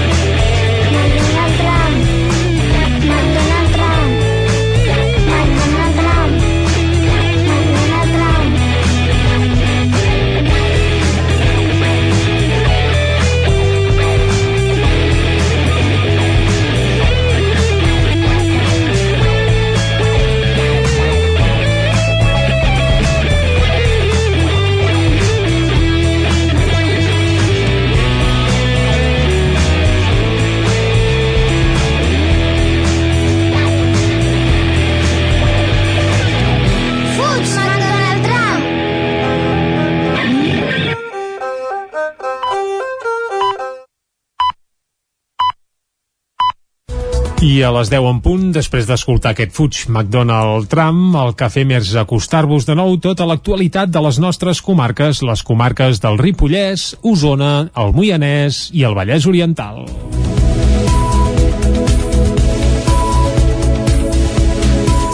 Mollet del Vallès es troba entre les ciutats europees amb més morts per contaminació d'un rànquing que lidera Madrid i també hi entra Barcelona. David Auladell, de Ràdio Televisió, Cardedeu. Concretament, la ciutat ballesana es troba en la posició número 7 del top 10 del rànquing, només una posició per sota de Barcelona. Es tracta d'una de les ciutats amb major mortalitat vinculada a la contaminació de l'aire que causa el diòxid de nitrogen, associat sobretot al trànsit rodat. Són dades d'un estudi publicat a The Lancet Planetary Health que ha estimat per primera vegada la càrrega de mortalitat atribuïble a la contaminació de l'aire en més de 1.000 ciutats europees. L'ha liderat l'Institut de Salut Global de Barcelona, en col·laboració amb investigadors del Swiss Tropical and Public Health Institute i la Universitat d'Utrecht. Si es complissin les recomanacions de l'Organització Mundial de la Salut quant a la contaminació de l'aire per diòxid de nitrogen en totes les seves àrees, en el cas de Madrid i la seva àrea metropolitana, es calcula que s'evitarien 206 morts anuals, mentre que en el cas de Barcelona serien 82. Aquestes xifres contemplen únicament, però, les morts vinculades a un únic contaminant. Adoberies No de Call d'Atenes va seguir dissabte amb la recollida de firmes per aturar la construcció de pisos a la zona de les adoberies. El col·lectiu Adoberies No de Call d'Atenes continua la seva lluita contra el projecte de construir pisos i cases unifamiliars amb capacitat per gairebé 900 persones a la zona de les adoberies. Dissabte al matí va reprendre la recollida de signatures contra la iniciativa al carrer Gran, després que al ple de la setmana passada el grup de Junts per Catalunya fes valer la seva majoria per retirar de l'ordre del dia tres mocions sobre aquesta qüestió, una que presentava Esquerra i dues mocions aportades per Poble en Marxa CUP i el mateix col·lectiu Adoberies No Gilerra és membre de la plataforma. Es va votar i es van extreure de l'ordre del ple les tres mocions. Mm, Això ens està dient que no volen parlar sobre el tema. Uh, ens han convocat com a col·lectiu Esquerra Republicana a parlar-ne, ens ha convocat Poble en Marxa a parlar-ne, uh, de l'Ajuntament ningú ens ha convocat i ningú ens ha donat explicacions sobre el per què i torno a repetir, nosaltres en volem parlar i estem disposats a parlar-ne. Des de la plataforma busquen aturar la llicència actual fins a poder parlar del creixement que necessita el poble. El que estem demanant és que s'aturi eh, la creació d'aquest pla fins a la redacció del PUM, eh, una norma més moderna en la qual podrà participar tot el poble, que podem decidir tots conjuntament eh, a veure com seguir el creixement.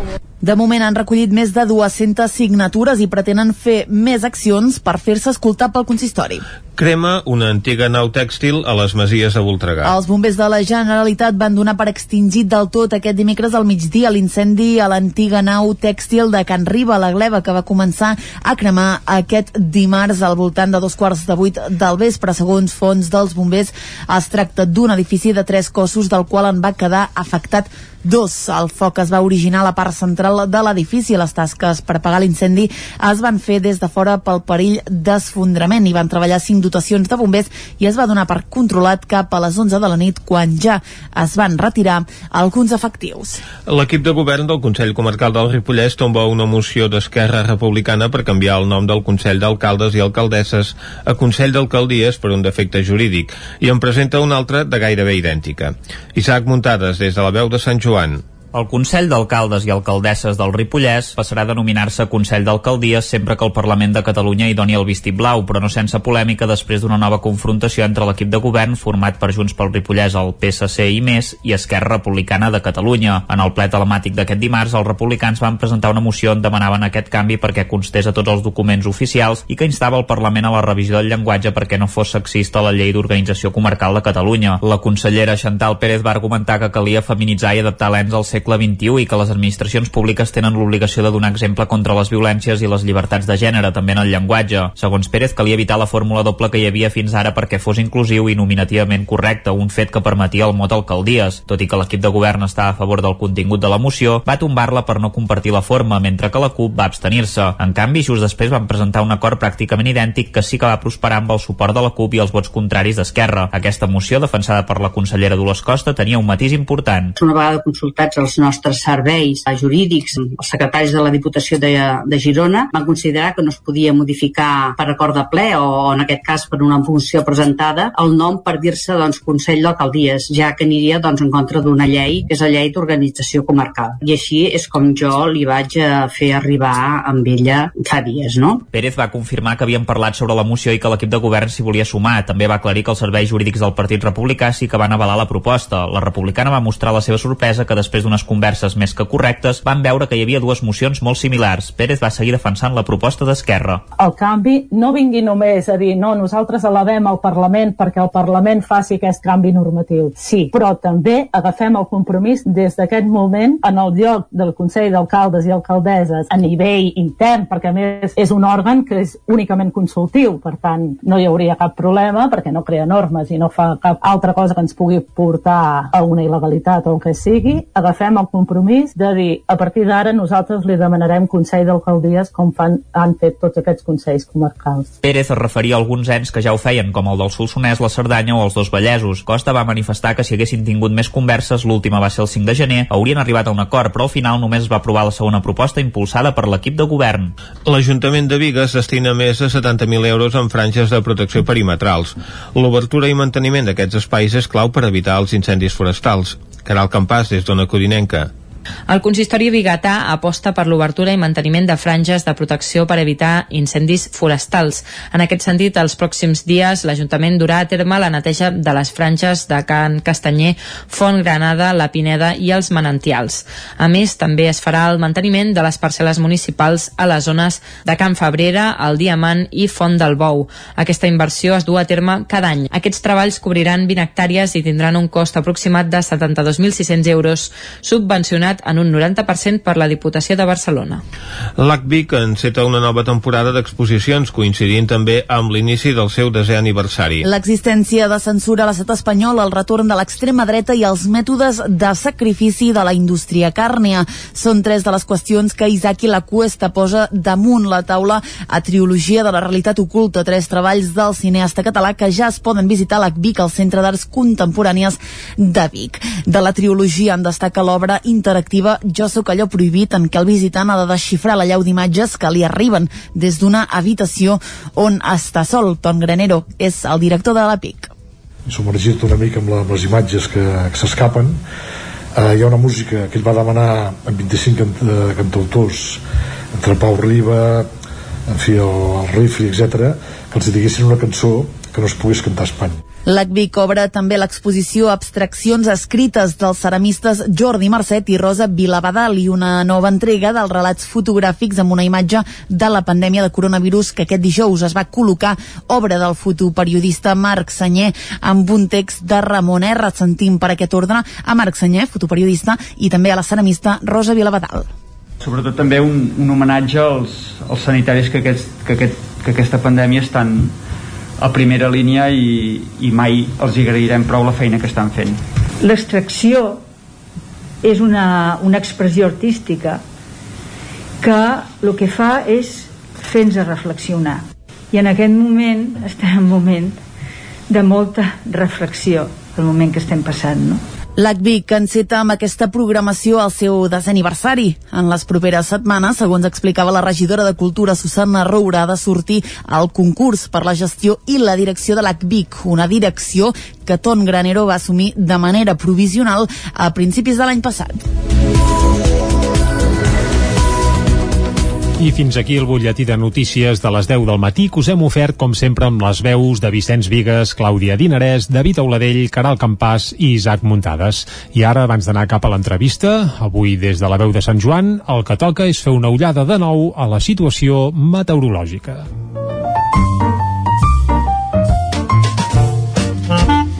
Casa Terradellos us ofereix el temps. I per conèixer el temps que ens espera per avui, el que hem de fer és saludar en Pep Acosta. Bon dia, Pep. Hola, molt bon dia. Bona hora. Pel que fa a l'estat del cel, Va. pel que fa a les temperatures, què ens espera avui? Doncs avui serà un dia eh, molt, molt pla, meteorològicament parlant, amb molt pocs elements meteorològics, bastant de sol, hi ha alguna boira, que mica en mica es anirà aixecant, i unes temperatures màximes que quedaran per sobre de les d'ahir. Ahir, a la Pat, la majoria de temperatures màximes van ser entre els 8 i els 12 graus. Doncs bé, avui hi haurà més estones de sol, més hores de sol, i això farà que la temperatura pugi. Uh, sobretot pujarà cap al prelitoral. A l'interior es quedarà això en 10, 11, 12 graus com a màxim. Però el prelitoral pujarà. Si ahir no vam passar això de 11-12 graus, avui algun termòmetre s'aproparà als 16-17 graus al prelitoral, eh? Atenció, perquè en aquestes zones temperatures seran força, força suaus. De cara al final del dia, es pot tapar una mica més, i és que s'acosta un altre front de l'oest, un altre front de ponent, i ens afectarà aquest divendres. A última del dia també es reforçarà el vent. Atenció cap a prelitoral que el vent serà destacat ja la propera nit. Serà bastant, bastant, bastant fort, amb alguna ràfaga molt forta, eh? Per tant, atenció amb aquest vent de ponent que aquesta pròxima nit ja bufarà de forma bastant important. Uh -huh. I els elements més destacables són aquests.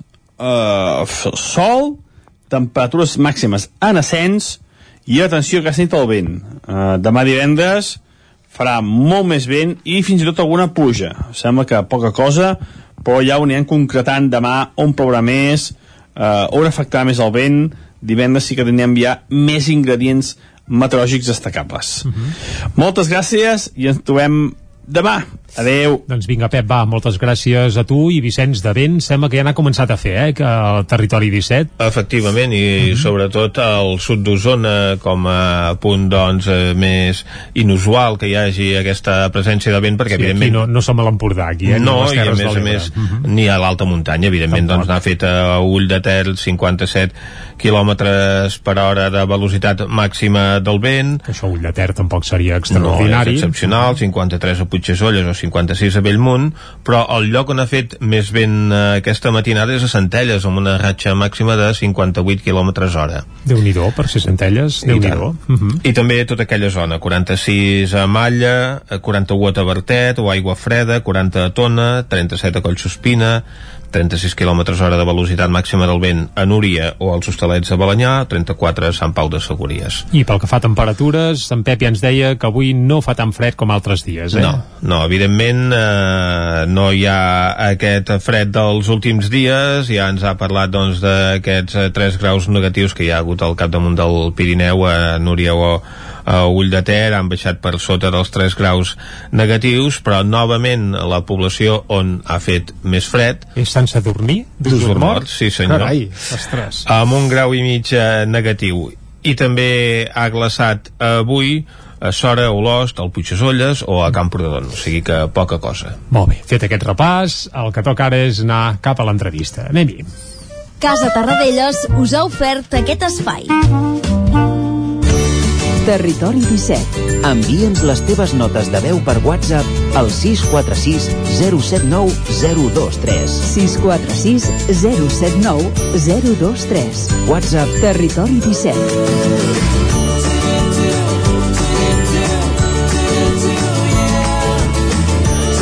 Territori 17. Som a Facebook, Twitter i Instagram amb l'usuari Territori 17.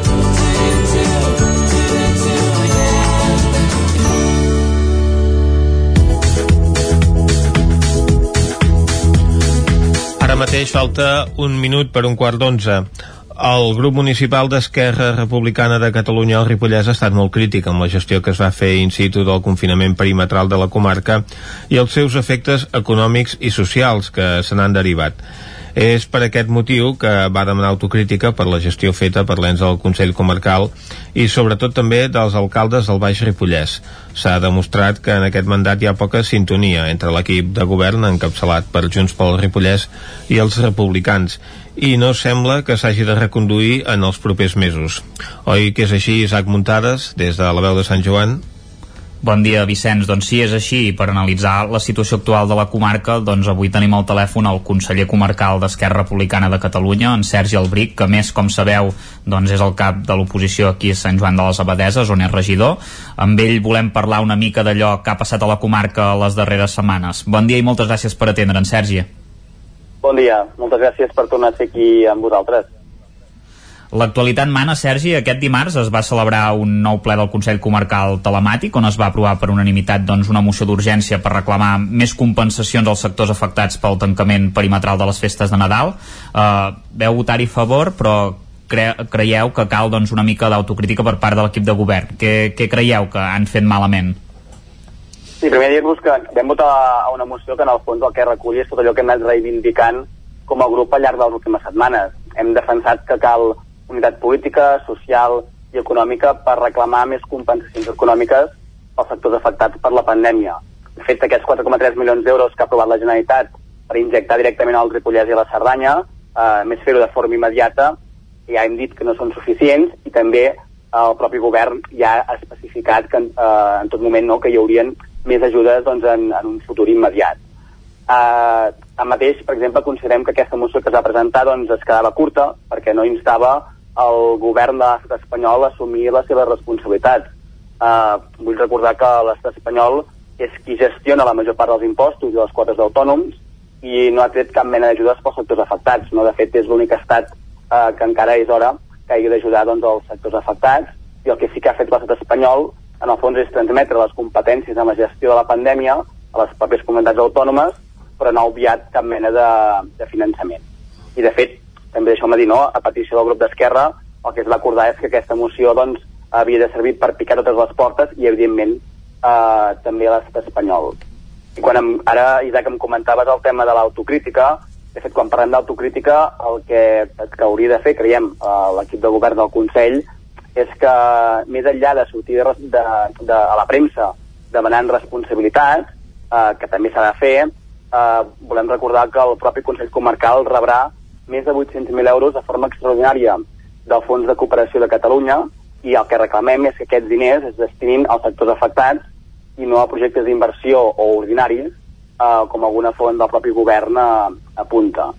I també, ja per, per acabar el tema de l'autocrítica, no? quan parlem d'autocrítica ens referim que, per exemple, els alcaldes del Baix Ripollès, principalment Sant Joan i Ripoll, que són els que van tenir eh, valors de contagis molt més elevats, eh, són també els municipis que tenen competències de seguretat i salubritat i que segurament no han exercit de la, de la, millor, de la millor manera durant tot aquest temps de, de pandèmia, no? Els sectors afectats diuen que s'han sentit menys tinguts perquè se'ls va avisar del tancament sense consultar-ho. Com es pot resoldre aquesta falta de comunicació? Vostès s'han ofert alguna vegada per fer d'interlocutors amb les conselleries que comanden la Generalitat?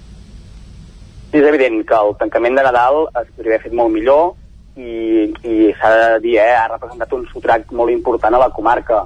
De fet, nosaltres hem sol·licitat a la presidència del propi Consell Comarcal poder fer aquestes reunions que s'han anat duent a terme amb la Generalitat de Catalunya o bé amb els sectors afectats i no n'hem tingut eh, resposta en cap moment.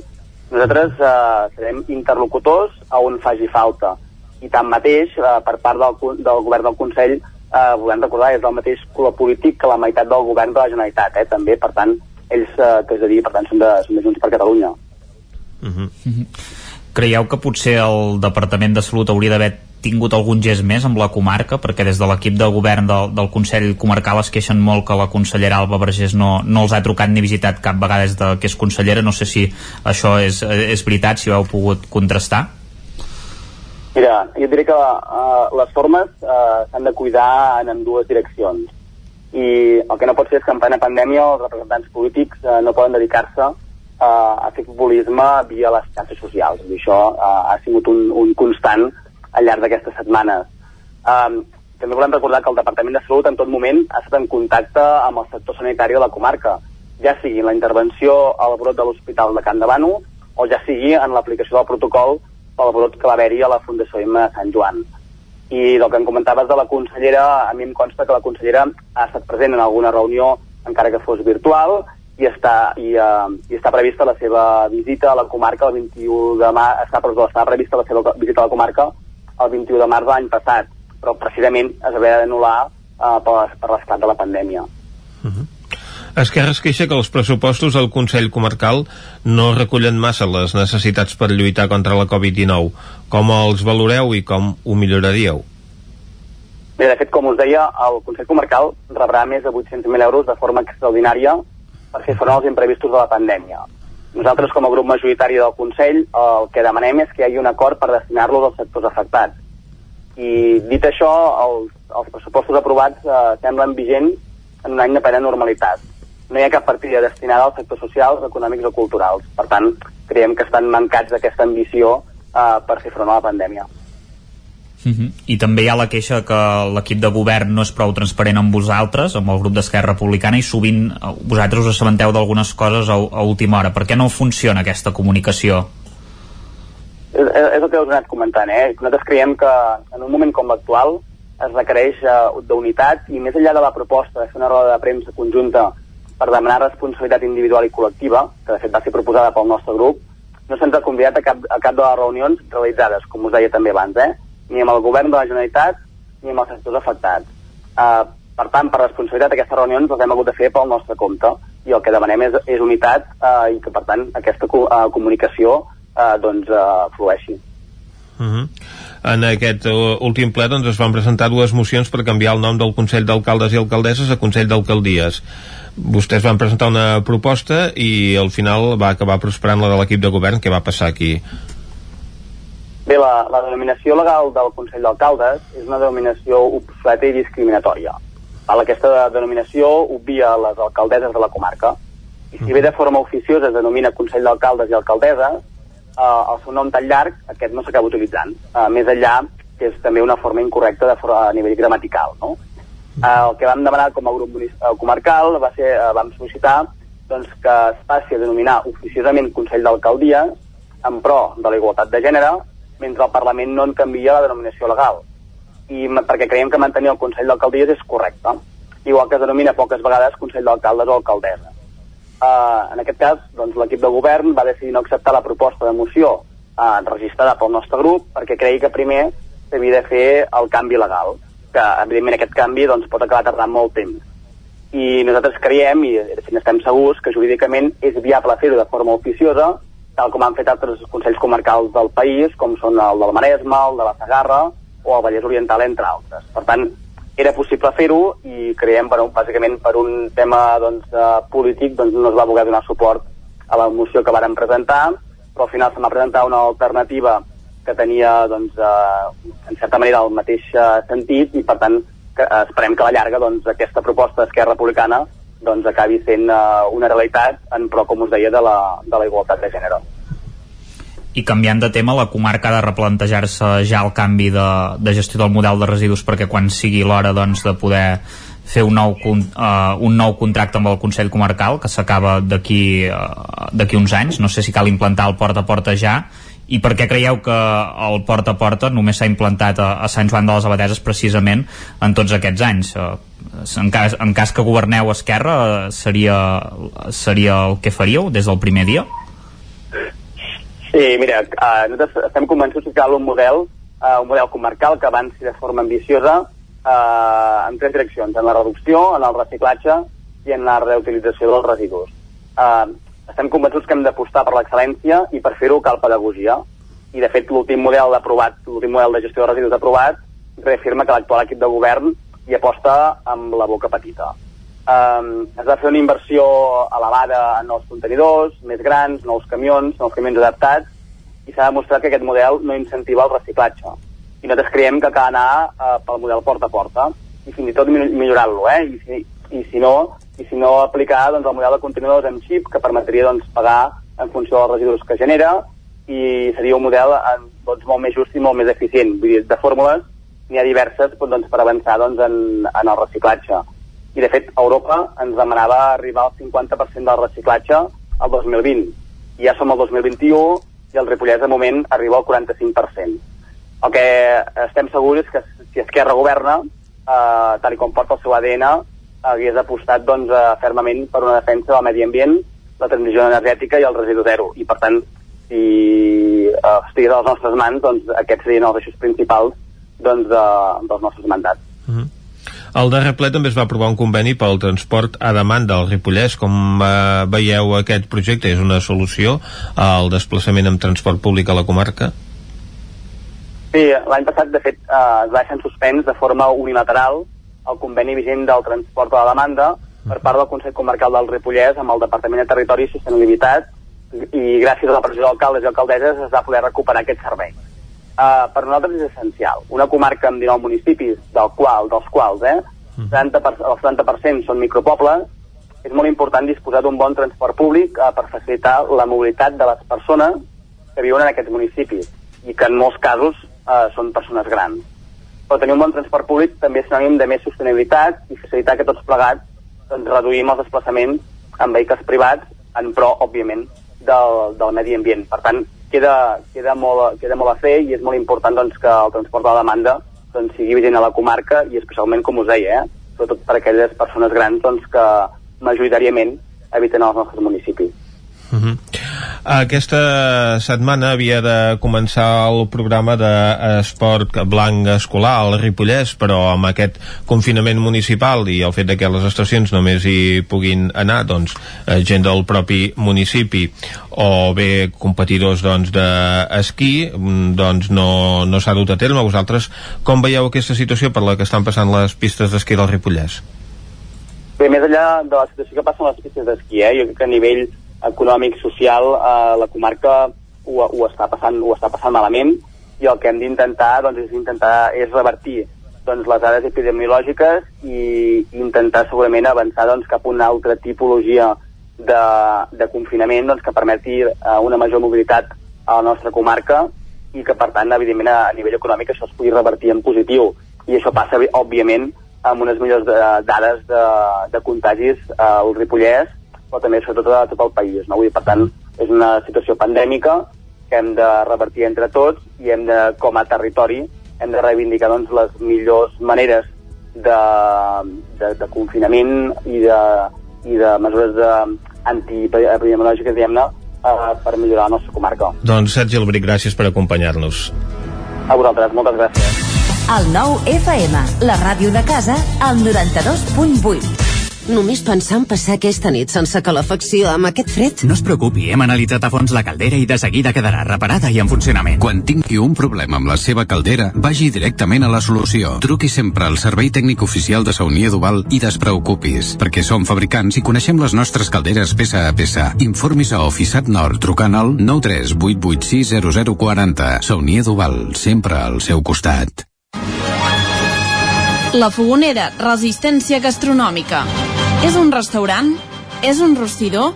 És La Fogonera, la cuina en directe des de GURB, on encarregues, ho vens a buscar i ara també t'ho portem a casa. La Fogonera, resistència gastronòmica. Ara amb la fogonera de dia amb aperitius, arrossos, segons plats i postres. I quan cau la nit, ens transformem en un popurri culinari.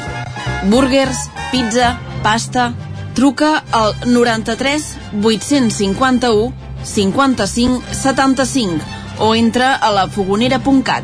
La Fogonera, el teu aliat gastronòmic. A Vic, T52. Solucions personalitzades. Dissenyem i produïm màscares personalitzades per a empreses, clubs o col·lectius a partir de 10 unitats. Disposem de dissenys propis per a particulars. Aconsegueix fins a un 30% de descompte. T52. Ens trobareu al centre, al carrer 941 i també a l'Horta Vermella, al carrer Menéndez Pelayo 31. Més informació a t52.cat. Xalant Moda i Complements. Més que rebaixes, nova secció tot a 10 euros. Moda home-dona, nen-nena, sabates, bosses de mà, maletes, complements i molt més. Sí, ho has sentit bé, tot a 10 euros. Vine a Can Xalant, ens trobaràs al carrer Sant Tomàs 4 de Call d'Atenes. També a Instagram i Facebook.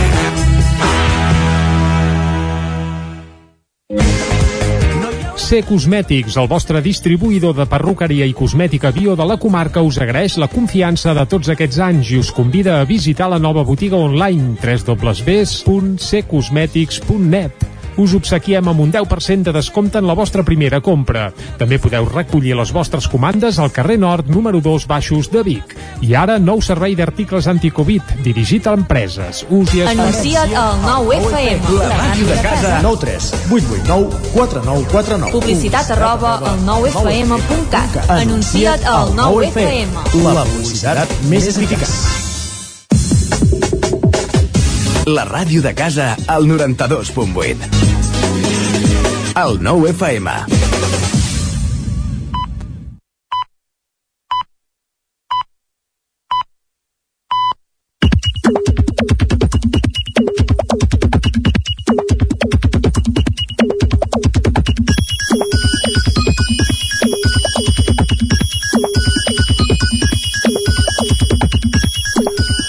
Són eh, dos quarts eh, d'onze, és hora de fer un repàs a l'actualitat eh, digital i també l'actualitat d'última hora, perquè el Tribunal Superior de Justícia de Catalunya inhabilita el conseller d'Exteriors, Bernat Soler, pel seu paper durant l'UO, quan era alcalde de Gramont, que vaja, que el Tribunal Superior de Justícia de Catalunya s'hi està posant les botes. I de les transmissions del Barça Catalunya Ràdio no l'inhabilita?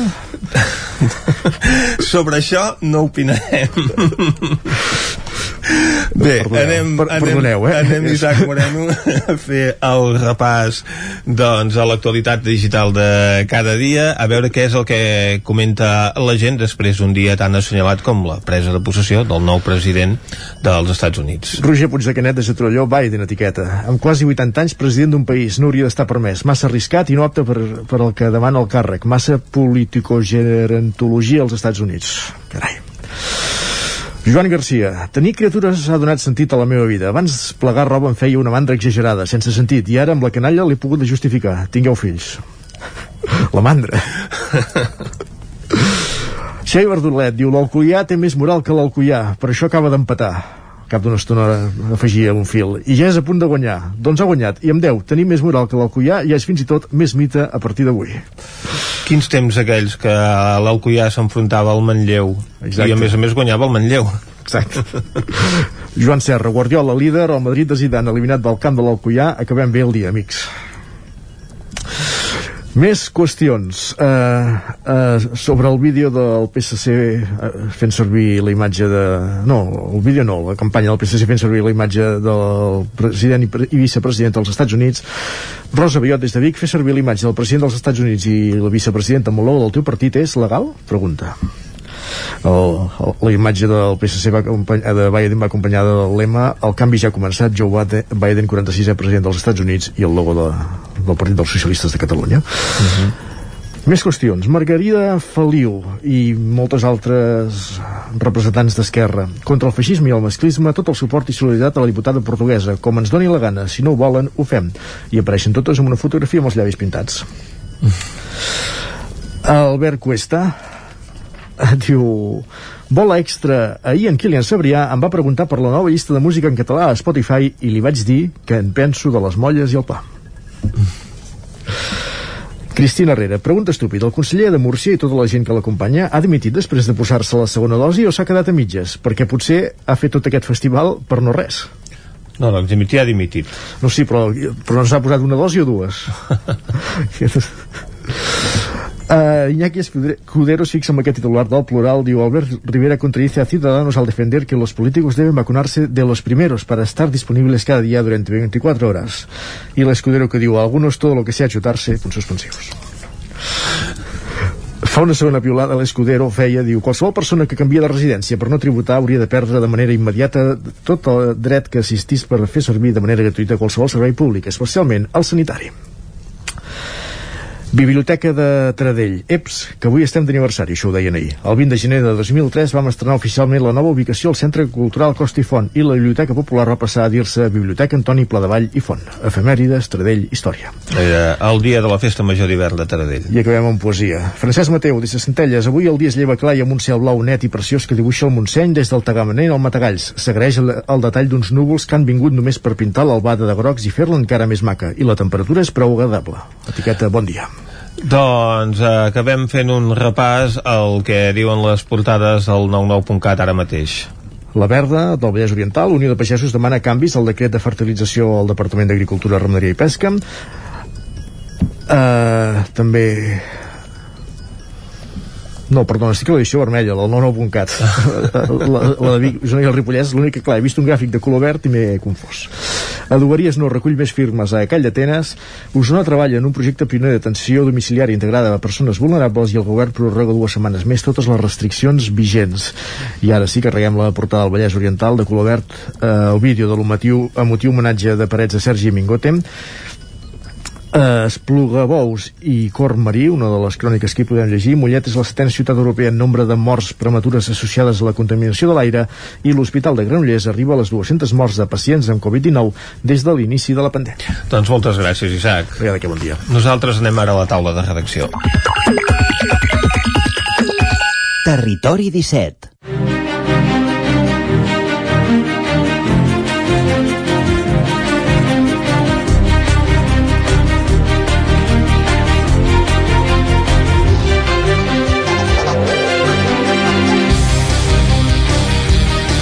A la taula de redacció avui ens acompanyaran en Guillem Rico i en Jordi Vilarrodà.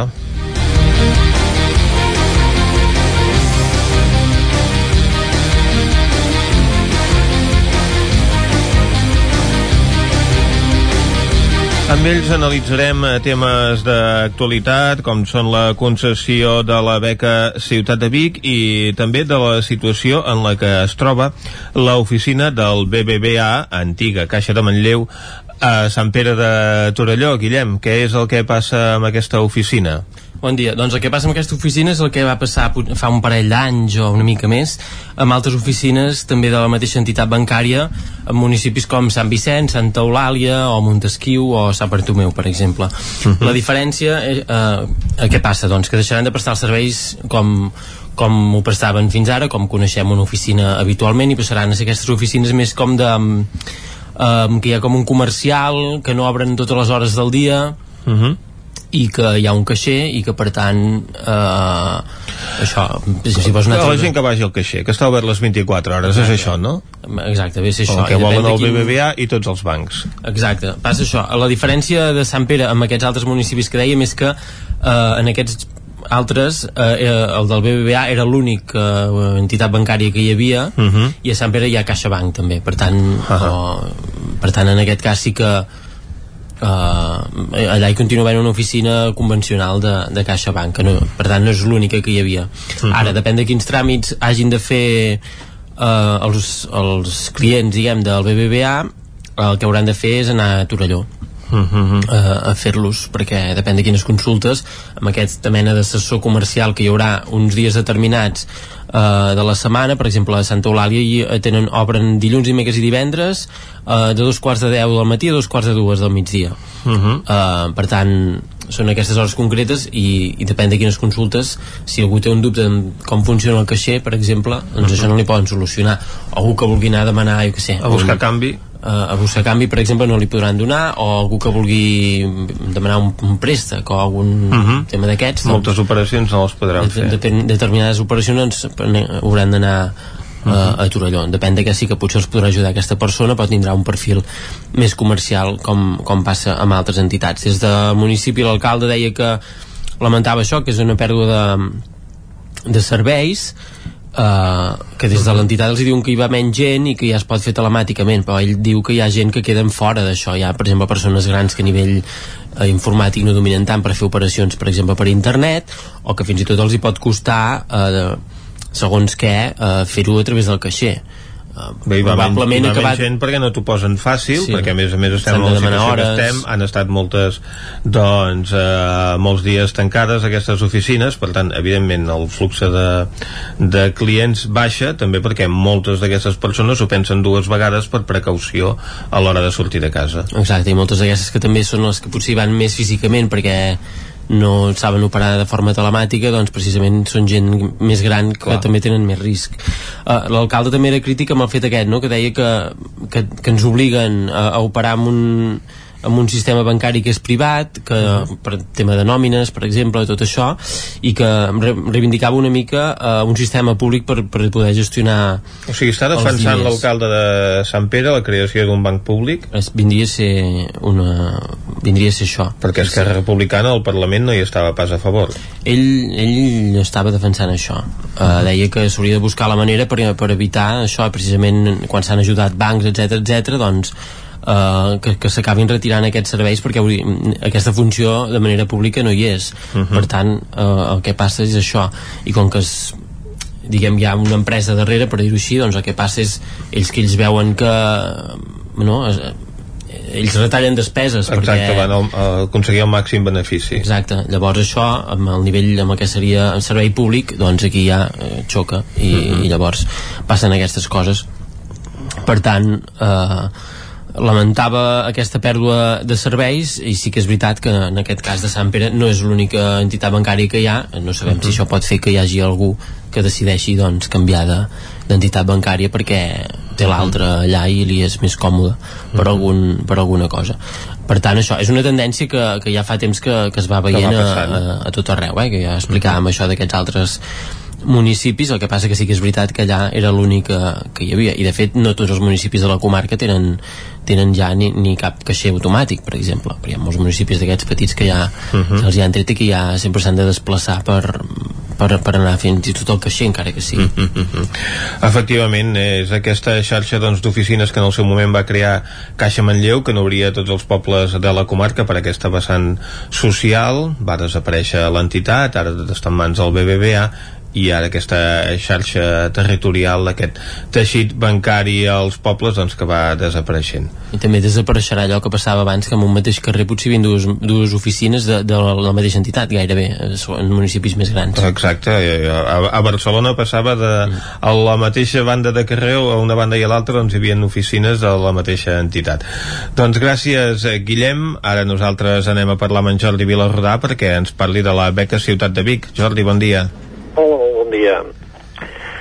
A veure, doncs sí, ahir es va eh, presentar el resultat del treball que va guanyar la novena edició de la beca Ciutat de Vic a la creació artística i a la vegada també doncs, es va convocar la desena edició d'aquesta beca Ciutat de Vic a la creació artística que eh, s'ha anat entregant no ben ben periodicitat anual mm, les 10 edicions no es corresponen exactament a 10 anys perquè la beca es va crear l'any 2006 Mhm. però sí que amb la voluntat d'aquesta certa regularitat de que l'Ajuntament de Vic eh, fes una dotació per, la, per, per artistes per desenvolupar un projecte.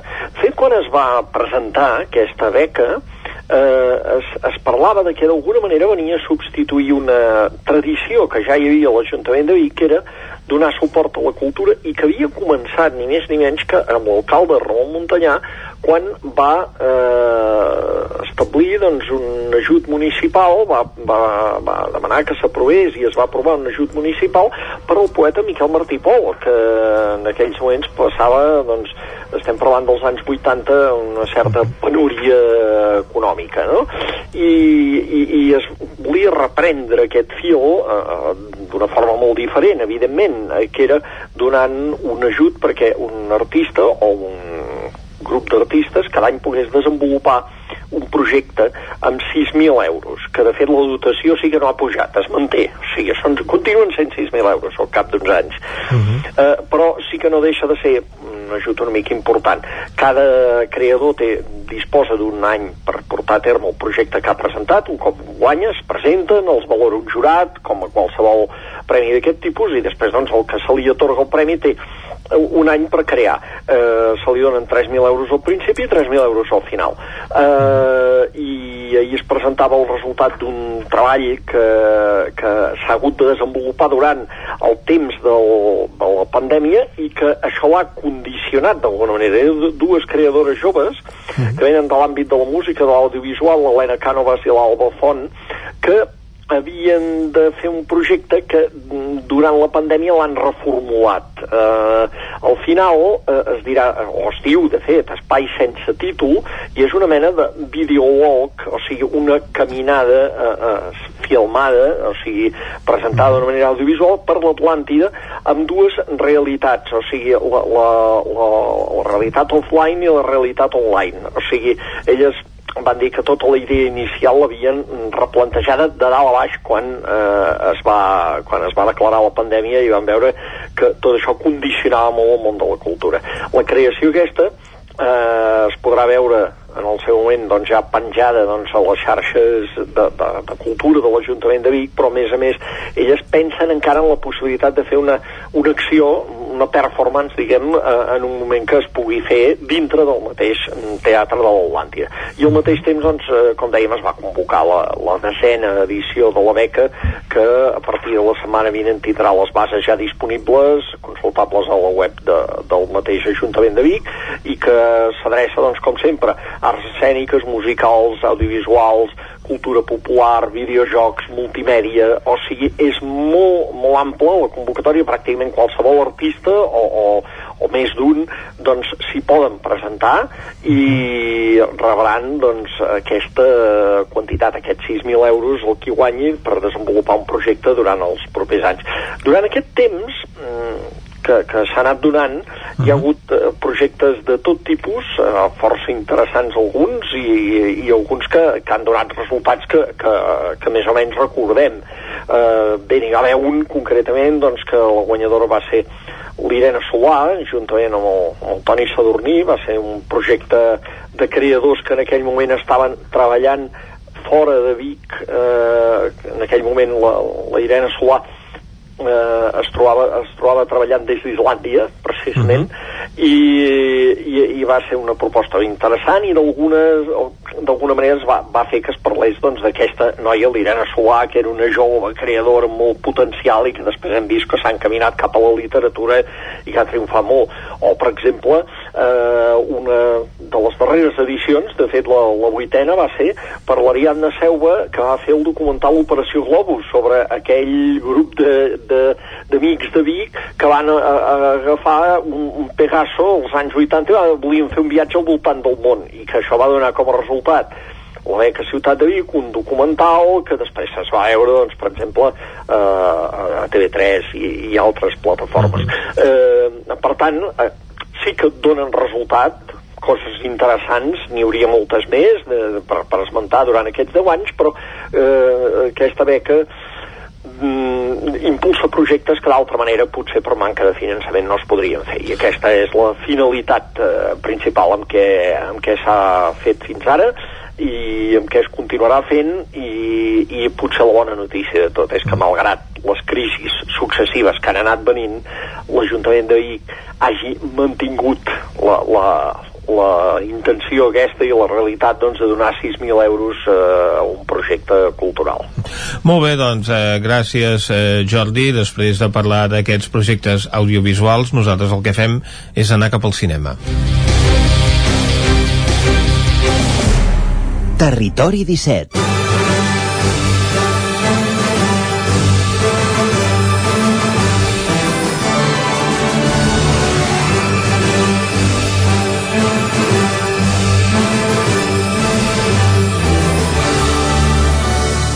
Doncs correcte, Vicenç, quan falten 12 minutets per les 11 del matí, ens n'anem al cinema però no hi anem sols, eh? No, sempre hi anem ben acompanyats. Amb la Núria Lázaro, uh, ara ara sí que ens sentim millor. Exacte. Amb la Núria Lázaro anirem cap al cinema. Recordem que seguim amb confinament municipal, per tant, si sou d'un municipi que no, té, que no té cinema, aquest cap de setmana ho teniu fotut, però segur que la Núria ens fa alguna recomanació i fins i tot avui potser ens parla de nominats als Goya, perquè em sembla que ja se n'han conegut les, vaja, les nominades les aquesta setmana, eh? Mm. Núria, va, de què ens parlaràs avui?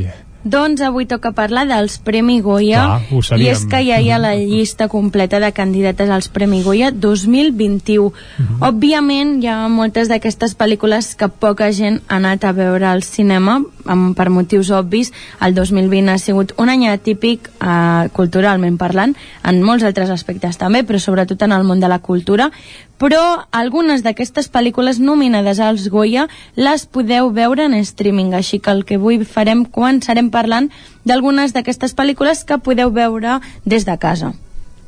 ¿Tú sabes cuál es el problema en África? Que todos se van. ¿Puedes correr?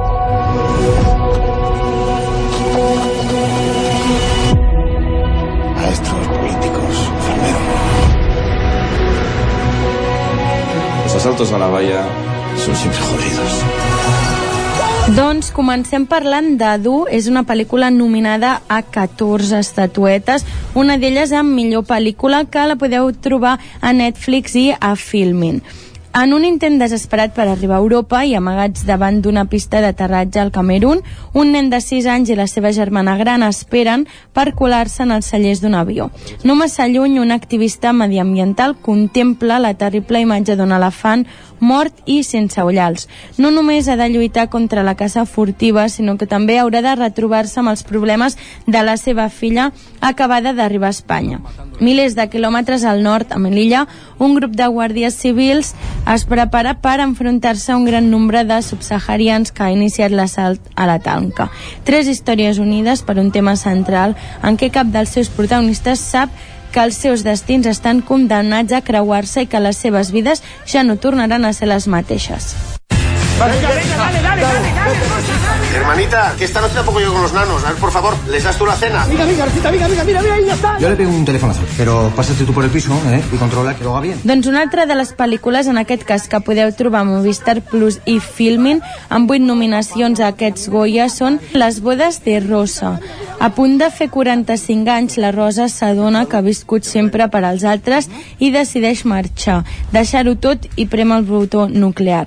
Vol prendre les regnes de la seva vida i complir el somni de tenir un negoci propi, però aviat descobrirà que el seu pare, els seus germans i la seva filla tenen altres plans i de canviar de vida no és tan senzill si no està en el guió familiar. Se acordó o no se acordó que no se podían colgar carteles ni, ni anuncios personales en las zonas comunes. Estos son comidas de empresa. Hay días que comes siete veces. Más te vale tener una buena explicación, Ali. Pero estoy un poquito hasta aquí de escuchar yo, yo, yo. Habrá un poquito que no estás solo en el mundo, Ayul. Ese es mi padre. Un hombre que consigue todo lo que se propone, excepto una cosa. ¿Qué mierda es eso?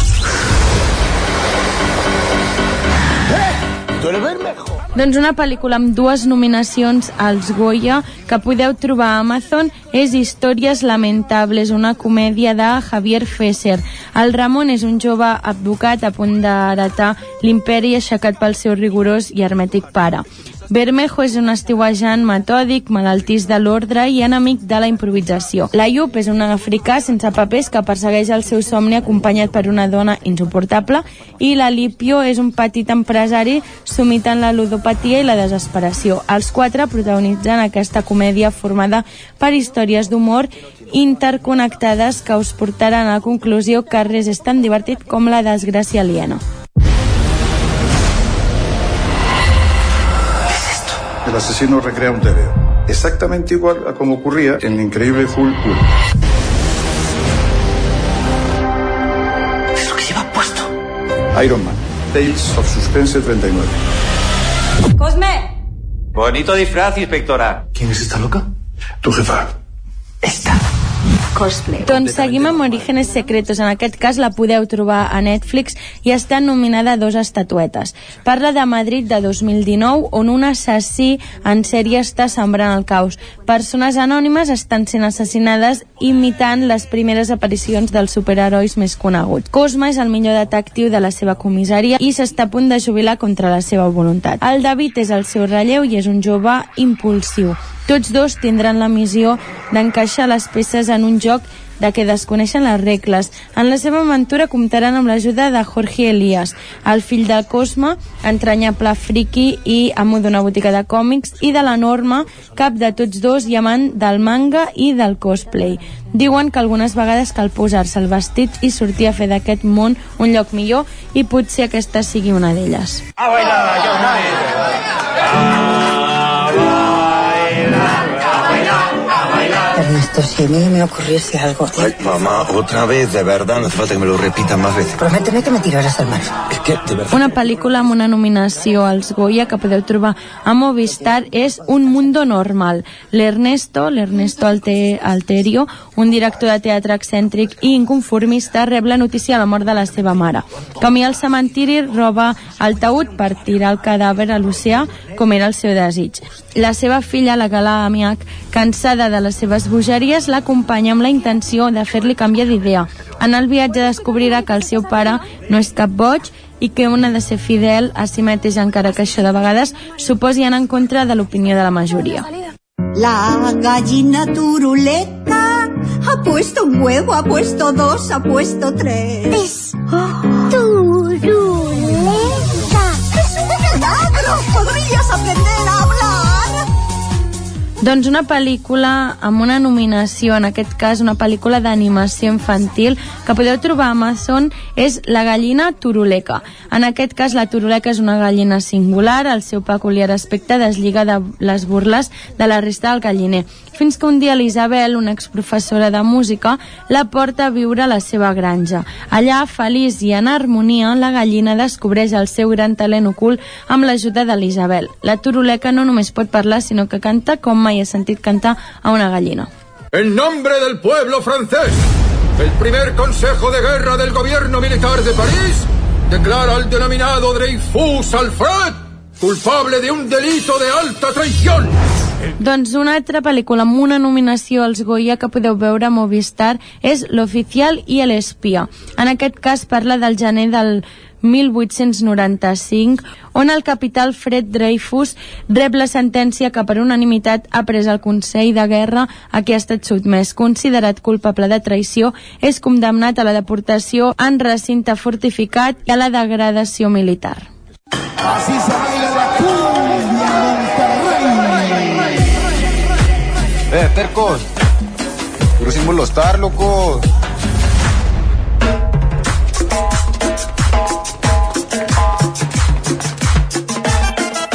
Jo no soy de aquí també té una nominació als Premis Goya, en aquest cas la podeu trobar a Netflix.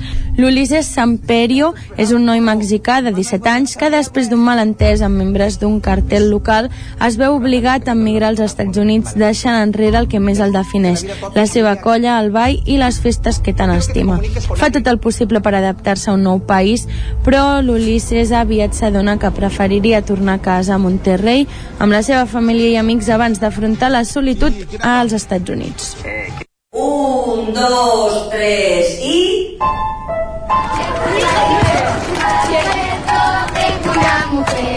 Por ejemplo, si tú tuvieras que preguntar una cosa a una niña, a una de estas sí. colegialas, Sí. ¿qué les preguntarías? No les preguntaría, les daría un consejo. Póntelo, pónselo. Doncs parlem ara de les niñes i és que també he volgut fer una llista d'aquelles nominacions que injustament, des del meu punt de vista, han quedat fora d'aquests Goya 2021. I comencem això per les niñes per la no nominació, diríem, de l'Andrea Fandós. Era una de les nominacions gairebé esperades. La jove protagonista de la debutant Pilar Palomero estira sobre les seves espatlles tota la càrrega d'una petita que vol respostes en una època cafarda, de trencadora i moderna, però que amaga més del que sembla. La pel·lícula està nominada a millor direcció novell, actriu de repartiment per la Natalia de Molina i millor pel·lícula, entre d'altres, però es queda sense representació a la categoria de millor actriu revelació. Yo a veces sueño que estoy escalando unos pechos, que me quedo a dormir en un bello púbico gigantesco, que hago espeleología por el cuerpo de una mujer. Subir, mira qué maravilla. Antonio, no me líes. Te lo dije en Madrid. Yo he venido aquí a descansar, tomar el sol. Doncs un altre dels que es queda fora d'aquests Goya 2021 és Raúl Arevalo pel seu paper a Los Europeos. Juan Diego Boto entra en la categoria d'actor de repartiment, però una aposta que fes honor a tots dos protagonistes hauria estat que un dels dos estigués en protagonista i l'altre a la segona categoria. Tots dos han fet un combo perfecte en un marc dissenyat amb molta delicadesa pel Víctor García León en aquesta adaptació, adaptació de Rafael Azcona. I have very few certainties. But there is something I'm sure about. Neither the weather nor people can be trusted. A letter firing me. Enjoy life, Peter. That's what we all want. It seems like I'm, I'm finally going to see you. Doncs un altre del que es, dels que es queda fora és el Timothy Spall per Neva a Benidorm. No és cap novetat veure estrelles estrangeres nominades als Goya com Naomi Watts, Iwan McGregor, Tom Holland, Rachel Weisz, Ryan Reynolds, Juliette Binoche o la Nicole Kidman, entre molts d'altres, tenen una nominació als Premis Goya. En el cas de 2021 hagués estat Timothy Spall pel seu treball a les ordres d'Isabel Cochet en aquest Neva en Benidorm. Pues en el punto que estamos aquí, pues Benidorm se encuentra con sus playas y con sus chiringuitos, pues la parte esta, 600 kilómetros. Doncs una altra de les que es queda fora és Meseta, en aquest cas a la categoria dedicada al documental, que aquest any comptava amb més atenció que passades edicions. Encara que s'esperava poder veure el documental de Luis López Carrasco, l'any de la descoberta, nominada com a millor pel·lícula, s'ha quedat en la seva categoria d'origen. L'homenatge de Juan Palacios, dedicat a l'Espanya buida, ha tingut molt bona acollida aquest any, però no ha pogut entrar. Thank you.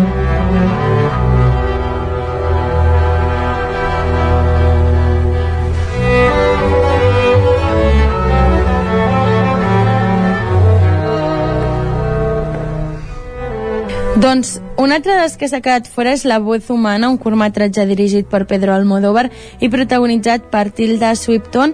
Ha estat una de les absències més cridaneres d'aquesta edició, però té una explicació, i és que el, el Deseo, la productora de, de Pedro Almodóvar, no el va presentar perquè entenc que és una categoria per als nous talents que estan començant.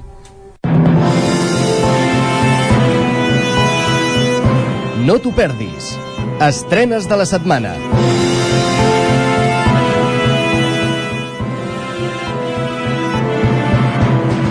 I passem ara a les estrenes de la setmana i ho fem començant per Cardedeu.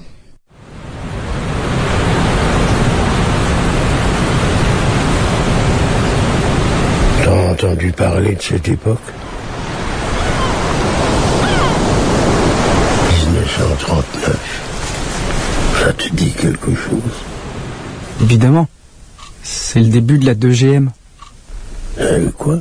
Deuxième guerre mondiale? Mais non. La France est entrée en guerre en septembre. Je te parle de février 39. Doncs la primera de les estrenes d'aquesta setmana al cinema Esbarjo, de la que parlem avui, és Josep, que s'estrenarà divendres, dissabte i diumenge al cinema Esbarjo de Cardedeu. Parla de febrer de 1939, aclaparat per l'onada de republicans que fugen de la dictadura de Franco. El govern francès opta per confinar els espanyols en camps de concentració. En un d'aquells camps, dos homes separats per un filferro espinós fan amistat. Un d'ells és Josep Bartolí, un dibuixant que lluita contra el règim de Franco. I una altra de les pel·lícules que es podran veure, bueno, no aquest cap de setmana, de fet es podrà veure avui a les 8 de la tarda. És Uno para Todos, pel·lícula que n'hem parlat moltes vegades del David Indulain amb el David Verdaguer com a protagonista també hi ha la Clara Segura la Patricia López, la Betsy Túrnez, l'Anna Labordeta, entre molts d'altres. És un drama que faran en versió original en castellà i és un professor interí que assumeix la tasca de ser tutor de sisè de primària en un poble completament desconegut per a ell quan descobreix que d'integrar un alumne malalt a l'aula es troba amb un problema encara més gran. Cap dels seus companys vol que torni a casa.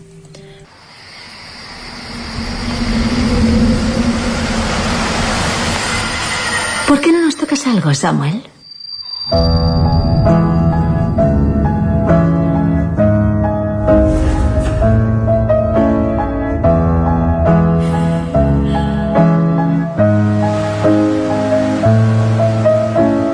Aquí no me falta de nada y es el mejor sitio del mundo.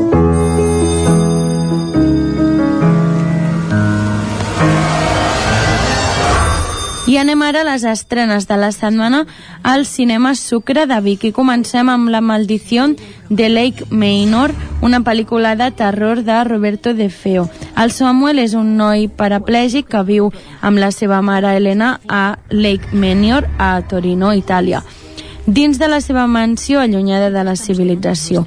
El jove ha rebut ordres de no abandonar mai la seva casa pel que sent segur però una mica frustrat i oprimit. La seva situació canvia quan arriba la Denise, una ajudant adolescent, que l'ajuda a canviar el seu punt de vista sobre la relació que l'uneix amb la seva mare.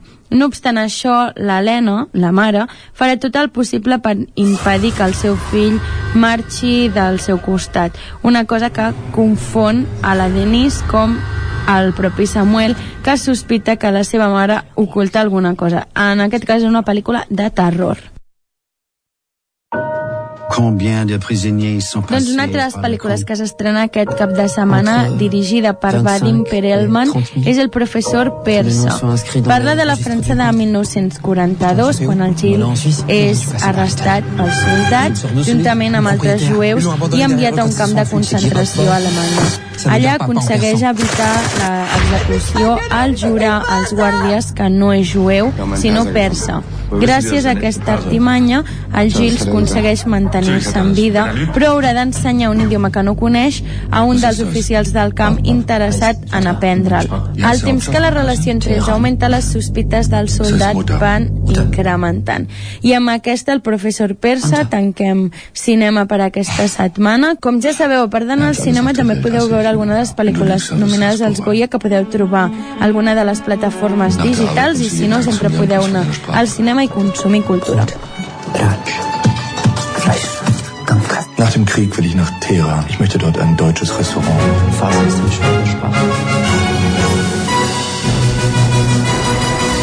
I quan passen 5 minuts i mig de les 11 del matí, eh, deixem el cinema i tornem a l'actualitat. Torna la informació de les nostres comarques, les comarques del Ripollès, Osona, el Moianès i el Vallès Oriental. Territori 17, amb Vicenç Vigues i Jordi Sunyer. 何?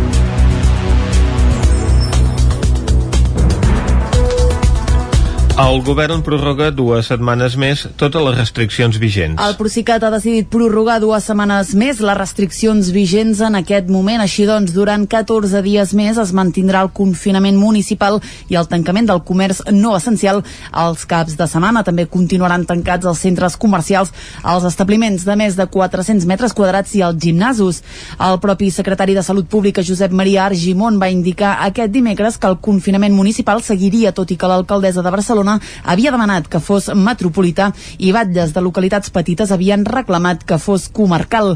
Els indicadors de la Covid van a la baixa, però no així el nombre d'hospitalitzacions i de pacients crítics. La situació als hospitals usonencs torna a millorar parcialment. Després de tres setmanes d'augment d'ingressats per Covid-19, la xifra ha tornat a baixar. Del 71 que hi havia la setmana passada, aquest dimecres n'hi havia 64 d'ingressats, un descens de 7 persones. A l'Hospital Universitari de Vic hi ha hagut canvis a l'alça perquè actualment hi ha 38 persones ingressades, 4 més que la setmana passada. D'aquestes, 11 es troben a la unitat de cures intensives a l'Hospital de la Santa Creu, és on s'han reduït les xifres dels 37 pacients de la setmana passada s'ha passat a 26, 11 menys. L'Hospital Sant Jaume de Manlleu no té cap ingressat per Covid-19. Els nous ingressos es mantenen sense canvis amb 39 ingressos per setmana. Pel que fa a les dades del Departament de Salut, el nombre de contagis a Osona ja arriba als 12.766, 400 detectats en la darrera setmana. La xifra de defuncions continua pujant i s'arriba a les 560, amb 18 morts més en els darrers 7 dies. Pel que fa a la xifra de vacunats, en la darrera setmana s'ha administrat la primera dosi del vaccí a 777 persones més i ja n'hi ha 3.772 en total. La psicòloga que va examinar Mohamed Houli considera que era una persona amb un sentiment d'inferioritat, manipulable i que no presentava hostilitat. Isaac Muntades, des de la veu de Sant Joan. Les dues psicòlogues que van parlar amb dos dels acusats pels atemptats del 17 d'agost de l'any 2017 a Barcelona i Cambrils, Mohamed Juli i Idrisu Kabir, van ser els dos últims testimonis que van declarar a l'Audiència Nacional de Madrid. En primer lloc, va declarar la psicòloga de Mohamed Juli al centre penitenciari del Calameco per videoconferència. Ella va fer-li un test sobre la psicopatologia de l'acusat i va concloure que no presentava hostilitat. El més significatiu, segons la psicòloga, era que presentava un sentiment d'inferioritat respecte als altres. La psicòloga també va dir que Juli tenia una intel·ligència normal i dificultats per adquirir una sèrie de conceptes conceptes, uns fets que no li impedien portar una vida normal. Això sí, la psicòloga va dir que tenia dificultats a l'hora de comprendre emocions. Es verdad que tiene ahí dificultades para comprender emociones más complejas de otras personas, pero a la vez sin emociones alegres o tristes, sí que se deja contagiar por esa emoción, sí que tiene una dificultad en la gestión de sus propias emociones y de llegar a comprenderlas de los demás. Es una persona, como luego se ve en, las diferentes pruebas, en el momento que se realizó la prueba sí que era pues, un chico inmaduro con cierta dificultad de comprender conceptos más complejos,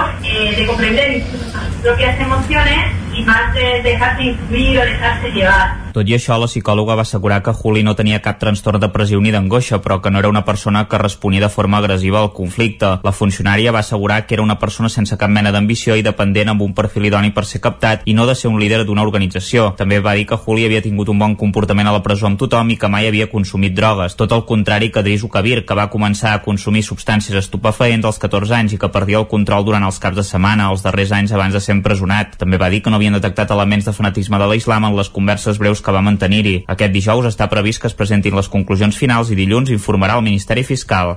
Territori i Sostenibilitat licita obres de seguretat viària a la C35 entre Vilalba Sasserra i Sant Celoni per un cost de 4,7 milions d'euros. Les obres s'executaran l'estiu vinent i s'allargaran 10 mesos. David Auladell, de Ràdio Televisió, Cardedeu. Els treballs abastaran un tram de 5,5 quilòmetres de longitud i consistiran principalment en l'estesa d'una nova capa de ferma en aquest àmbit i la implantació en la major part del recorregut d'un tercer carril per facilitar els avançaments i d'una mitjana central per reduir el risc de xocs frontals dins del Pla de Carreteres 2 més 1 del Departament. Les carreteres 2 més 1 són carreteres d'una única calçada amb un separador físic entre els dos sentits de la circulació i tres carrils de circulació, un per cada sentit i el central, de forma alternada al llarg del seu recorregut. El Pla de Carreteres 2 més 1 que està desplegant Territori i Sostenibilitat consisteix en la conversió a aquest model d'aquelles carreteres on el risc d'accidents frontals, que són especialment greus, pot ser més elevat. El tram de la C35 on s'actuarà discorre entre el pas soterrat de la travessera de Vilalba Serra i l'enllaç de Sant Celoni Centre. En alguns trams s'eixamplarà la carretera per permetre el tercer carril. La majoria de tram de mitjana serà de formigó i en el cas que no sigui possible seran balises cilíndriques. En algun punt que no és viable el tercer carril es pintarà de vermell el tram central que permet el gir a les cruïlles i es condicionaran les parades de bus actual. La Fundació per l'Assessorament i Acció de Defensa dels Animals localitza l'elefanta Dumba a França en molt mal estat de salut. L'animal ha estat vivint en una finca de Caldes de Montbui de manera intermitent els últims anys. Caral Campàs és d'Ona Codinenca. Dos mesos després d'anunciar que els amos de l'elefanta Dumba l'havien tornat a treure de la finca de Caldes, la Fundació per la Defensa dels Animals l'ha localitzat al Departament francès de Gard. Ho ha fet amb l'ajuda de la Fundació One Voice Animal, que ha compartit a les xarxes una sèrie de vídeos en els quals es pot veure les condicions en les quals es troba l'elefanta. Aïllada en un remolc de pocs metres quadrats, la Dumba continua sent contractada per participar en espectacles de circ. L'organització ha localitzat a l'elefanta a principis de gener després que ni la Generalitat ni l'Ajuntament de Caldes donessin resposta a la petició de FADA per intervenir i traslladar l'animal a un altre espai. La voluntat de l'entitat era poder traslladar la Dumba a un santuari francès on ja fa temps que li guarden una plaça. Tot i això, ara la seva situació ha quedat a mans del govern francès i l'únic que pot fer la FADA és oferir la seva col·laboració a One Voice Animal. A més, al lloc web d'aquesta fundació francesa hi ha més informació sobre tots els maltractaments que ha rebut la Dumba i també el formulari per signar la petició per poder-la traslladar a un hàbitat propi per ella. De moment s'acumulen un total de 22.300 firmes. I fins aquí el butlletí informatiu de les 11 del matí que us hem ofert amb les veus de Vicenç Vigues, Clàudia Dinarès, David Auladell, Caral Campàs i Isaac Muntades. Esperem que la Dumba eh, arribi a bon port, oi, Vicenç? I que es trobi bé de salut. Correcte. I ara el que farem no és parlar de la Dumba, sinó que farem una breu pausa i de seguida saludem en Jordi Soler, que ens alegrarà interiorment. A mig minut i li diem bon dia. Fins ara mateix. Territori 17. Envia'ns les teves notes de veu per WhatsApp al 646 079 023. 646 079 023. WhatsApp Territori 17.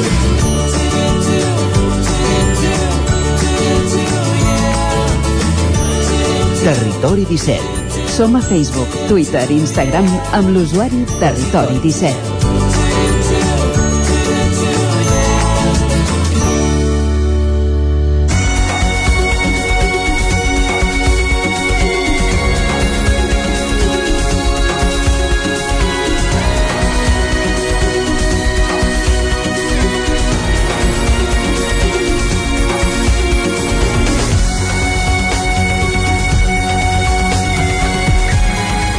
Un minut i serà un quart de 12 del matí. Seguim en directe aquí a Territori 17 i Vicenç, qui ens acompanya ara, és en Jordi Soler, que cada 15 dies ens alegra interiorment. Oi? I tant. Jordi, molt bon dia, eh? Molt bon dia. Ja hem dit que ens saludaríem dient bon dia de seguida i ja ens hi podem posar i no sé per on aniran els trets avui, de què ens parlaràs? Avui anirà de preguntes. Ai, ai, ai. Ens hem de fer, ens hem de fer preguntes. Diuen que les millors preguntes són les que porten la resposta implícita. Ah, sí? Sí, no és el cas d'avui. Eh? Avui es va una mica més de preguntes, eh, potser amb un enfoc una mica existencial i tot, eh? Però on que sempre estem parlant d'aquesta part essencial nostra, interna, eh? El Timothy Galway amb el joc interior ens deia el, el jo número 1 o el jo número 2, no? Uh -huh. La part racional i la part més de sabidoria natural o essencial. En el art del tiramarc japonès parlàvem de que deixàvem la, la ment també de costat i deixàvem que l'essència doncs, eh, acabés disparant. És dir, que no érem nosaltres els que disparàvem la fletxa sinó que era quelcom més intern nostre el que realment duia a terme aquesta acció. Doncs connectar amb aquesta part essencial és important. I, i a través de les preguntes és una bona manera d'entendre-ho o de bueno, o d'establir eh, aquesta comunicació d'aquestes dues parts, aquest jo número 1 i aquest jo número 2. Mm -hmm. Sempre estem amb el número 1, eh, la part racional, mental, ho intentem eh, entendre tot, calcular tot, no? racionalitzar tot, però ja ens queda clar que no sempre és possible perquè hi ha coses que evidentment s'escapen mm, per accedir a certes informacions o certes parts nostres hem de deixar la ment, l'hem d'aparcar una estona, no? Doncs la pregunta que podríem començar, important, mm -hmm. és, eh, i que no sé si ens fem eh, gaire sovint, és quin és el nostre propòsit de vida? Tu, Jordi, uh -huh. saps quin és el teu propòsit de vida? Uf, la veritat és que no me la faig mai, aquesta, aquesta pregunta. Eh? Uh, ara faré allò tan lleig d'escampar una mica la boira i fugir d'estudi. Li demanarem amb en Vicenç, no sé si té clar el seu... Ser feliç, per exemple, seria un... Bueno, això és un propòsit general que ah. podríem dir que, que ja tenim de sèrie. Eh? Sí, Quan... aquest ja ve incorporat en el moment que neixes. Clar, fixeu-vos que tu Jordi m'has res respost fins i tot la segona cosa que et volia demanar és no, sí, dir, eh, una evasiva eh, una mica, sí, sí, ha sigut una evasiva però uh, està, està clar eh, perquè amb la resposta diem moltes coses i tu has dit moltes coses amb aquesta resposta ara clar no, no només has dit que no sabies el teu propòsit de vida Bueno, més que no saber és que és una pregunta que no em formulo Clar, pràcticament mai. No te la planteges. Correcte. Val, no te la planteges. O sigui, quantes vegades ens demanem, ens saturem i ens demanem doncs cap on anem què, què, què, què estem fent no? o cap on volem anar mm. quin és el nostre propòsit en el tema de l'ikigai ja fa algun temps parlant de l'ikigai el, el motiu que ens empenya a aixecar-nos cada dia al matí eh? mm. que això és el que fa és la nostra gasolina és el que ens empeny diguéssim a tirar endavant hem de tenir definit una mica el nostre objectiu i et puc dir que la immensa majoria de la gent, almenys els que jo he parlat i, i he plantejat eh, aquesta situació, no només no saben quin és el seu propòsit de vida, sí que ho saben d'una forma inconscient, que és el que els mou, eh? però d'una forma així mm, racionalitzada, allò explicada, no només no ho saben, sinó que tampoc s'ho han plantejat mai. O sigui, I això és bo o dolent?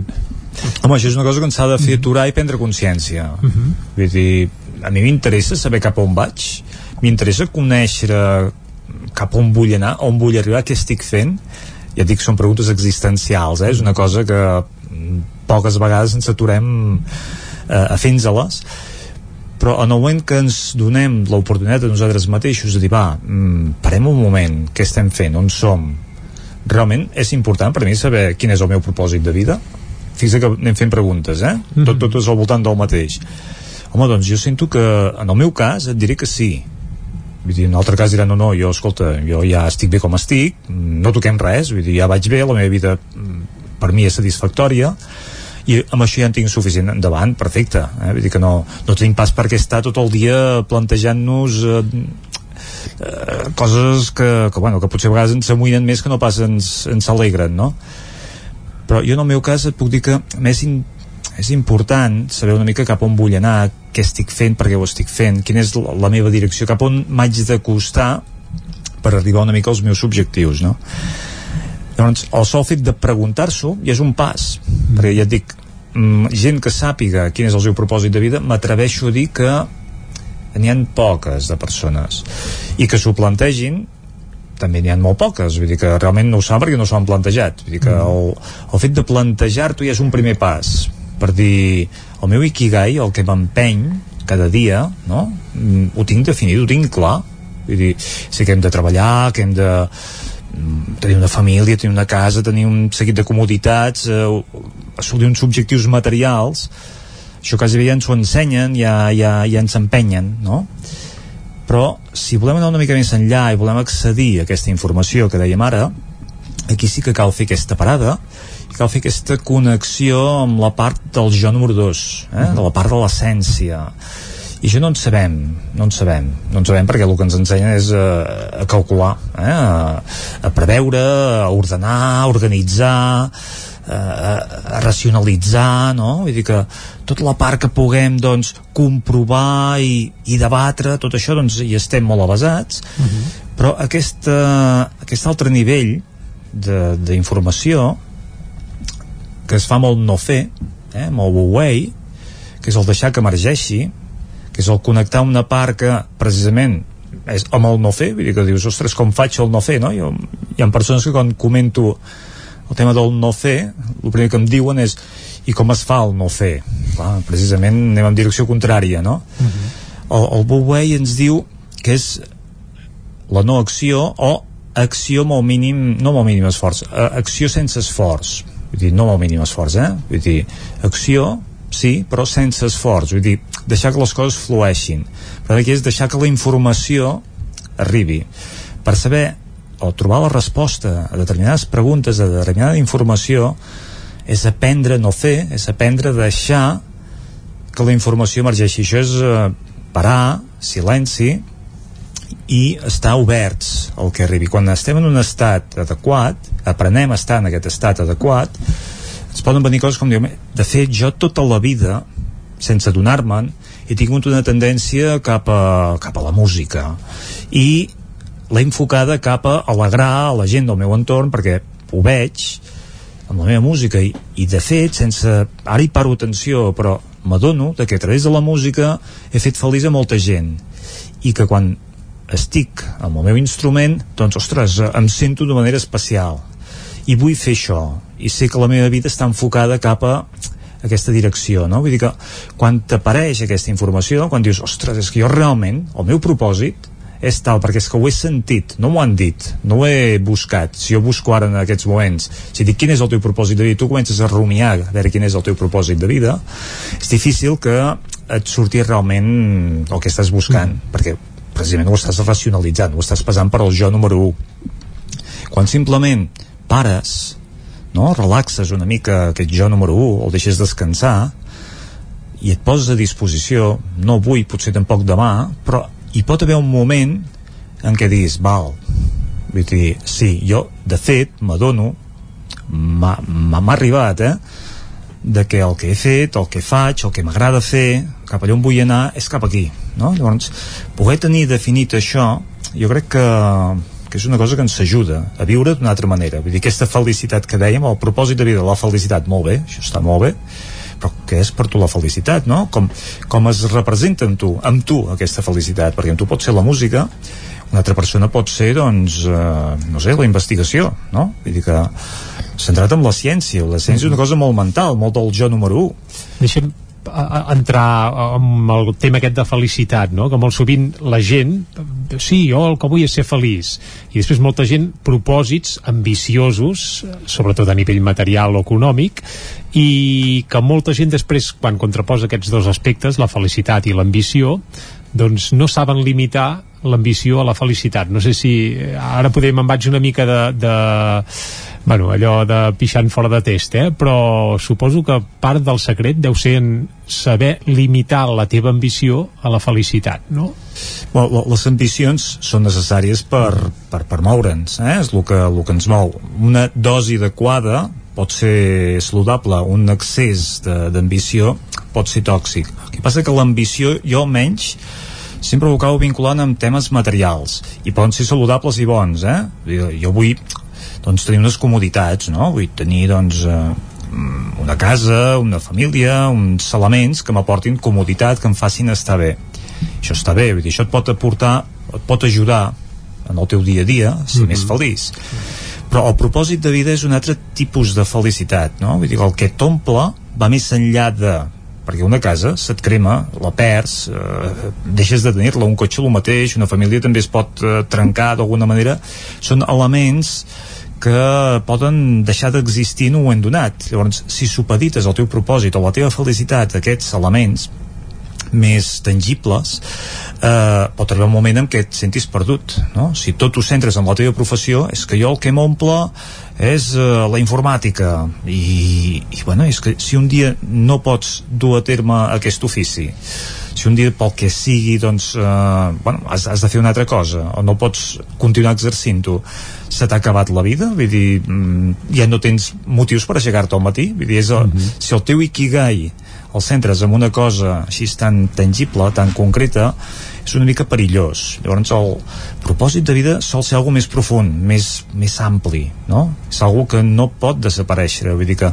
si a mi m'agrada doncs eh, alegrar la gent amb la música i no tinc un piano no sé, trobaré un altre element eh, per, per, per, per fer-ho, per dur-ho a terme vull dir que no em limitaré a un instrument simplement el que faré és alegrar la gent o, o embellir doncs, eh, un espai si sóc un decorador amb els meus recursos, els que tingui en cada moment, perquè el meu propòsit està clar eh? vull dir, jo vull fer tal cosa jo ho sento, no m'ho diuen no ho racionalitzo, ho sento vull dir, a més a més, quan estic fent això el meu cos experimenta una transformació mm -hmm. i cada vegada que em connecto amb això em sento diferent per tant, aquesta connexió amb el cos és aquesta connexió amb l'essència és aquesta connexió amb, amb el jo número 2 que poques vegades hi posem consciència, que poques vegades hi posem atenció però que jo sento que és una de les parts més importants. I aquí parlem molt, teoritzem molt, expliquem moltes coses, però que convé és sentir-les, mm. és posar-hi consciència, dir, eh, poder sí que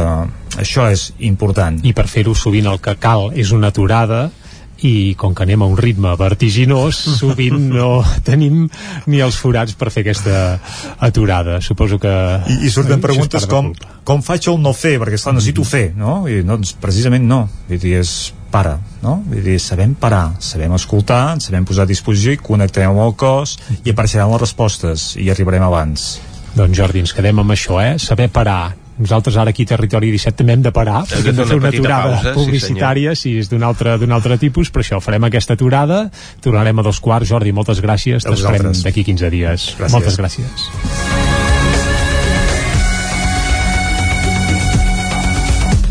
Territori 17 El nou FM, la ràdio de casa, al 92.8 Xalant Moda i Complements. Més que rebaixes, nova secció tot a 10 euros.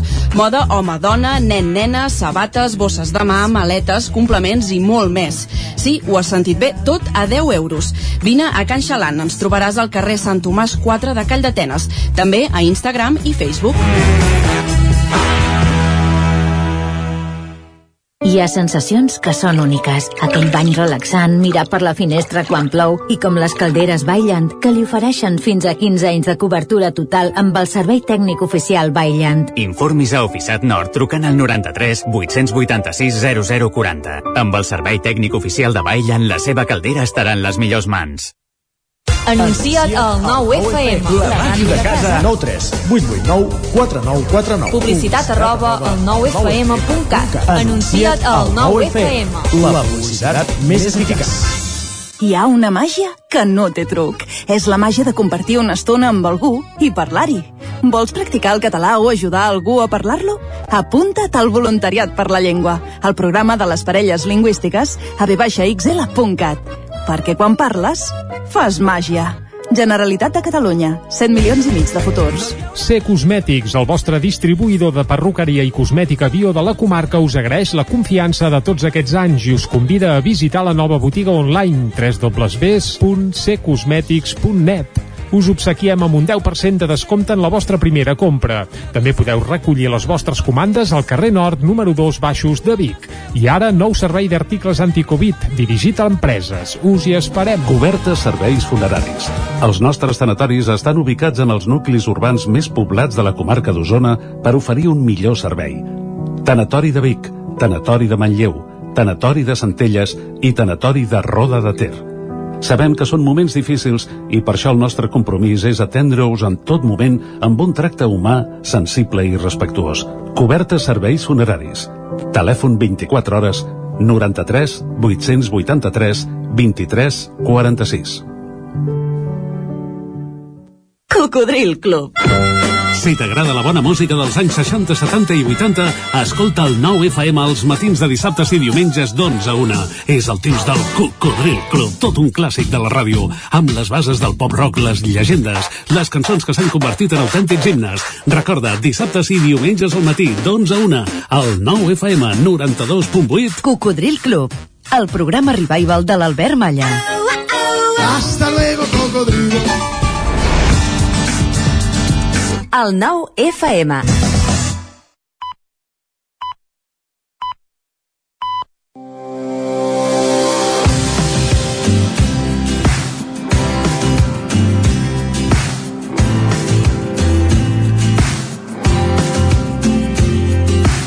L'Estany és el municipi més elevat del Moianès. Els terrenys argilosos i una pluviositat alta van convertir la vall en una conca de recepció d'aigües que va provocar que s'entollessin i que posteriorment s'hi formés un estany d'uns 300.000 metres quadrats de superfície. D'aquí ve el nom del poble de l'Estany. La petita població de l'Estany, amb gairebé 400 habitants, també guarda un dels monuments més insignes del romànic català, el monestir de Santa Maria de l'Estany. Va ser fundat l'any 1080 i és una de les principals abadies canonicals del país, on hi va residir una comunitat de canonges agustinians. L'església, el claustre i el museu formen un conjunt monumental digne de ser visitat. L'església actual, reconstruïda en part, guarda el mateix estil romànic primitiu. Impressiona per la seva austeritat, tota de pedra nua i aspra, conservant l'estil del segle XII. Hi ha la creu esculpida a la banda esquerra, que és el testimoni de la consagració feta el 1133. Al centre de l'absis principal hi ha la imatge de la Mare de Déu de l'Estany. El claustre del monestir, obra dels segles XII, XIII i XIV, és l'element més atractiu del monestir i una visita obligada pels amants del romànic. En destaquen les columnes dobles amb els seus magnífics i ben conservats 72 capitells. És un goig passejar tranquil·lament per descobrir tota la seva bellesa que heu de descobrir personalment. Us proposem també una visita a la mina de l'Estany, una obra del segle XVIII amb la funció de treure l'aigua del pla de l'Estany fent així la dessecació. L'estany també es caracteritza per la seva riquesa en fonts i trobem una munió de fonts escampades al llarg del municipi. N'hi ha diverses prou interessants per visitar. La font del Prat, la font de Canaleta, la font Vella, la font de Jesús, la font del Castell, la font de Sant Antoni i la font de Mig Prat, entre d'altres menys conegudes. I si voleu bones vistes heu de passar pel mirador de la Serreta, situat sobre el camí que ve del Puigrodó, és un espai condicionat i de fàcil accés, amb bones vistes dels Pirineus i la serralada transversal. I acabem la visita a l'estany parlant del Puig Caritat, el cim més significatiu del municipi, situat darrere del poble. Des del Collet de Sant Pere hi pugen una pista i un corriol. Amb 1.010 metres d'alçada es converteix en un excel·lent mirador del Pirineu, des d'on es treuen les tres muntanyes culminants del Pirineu Oriental, el Carlit, el Puig Pedrós i el Puigmal.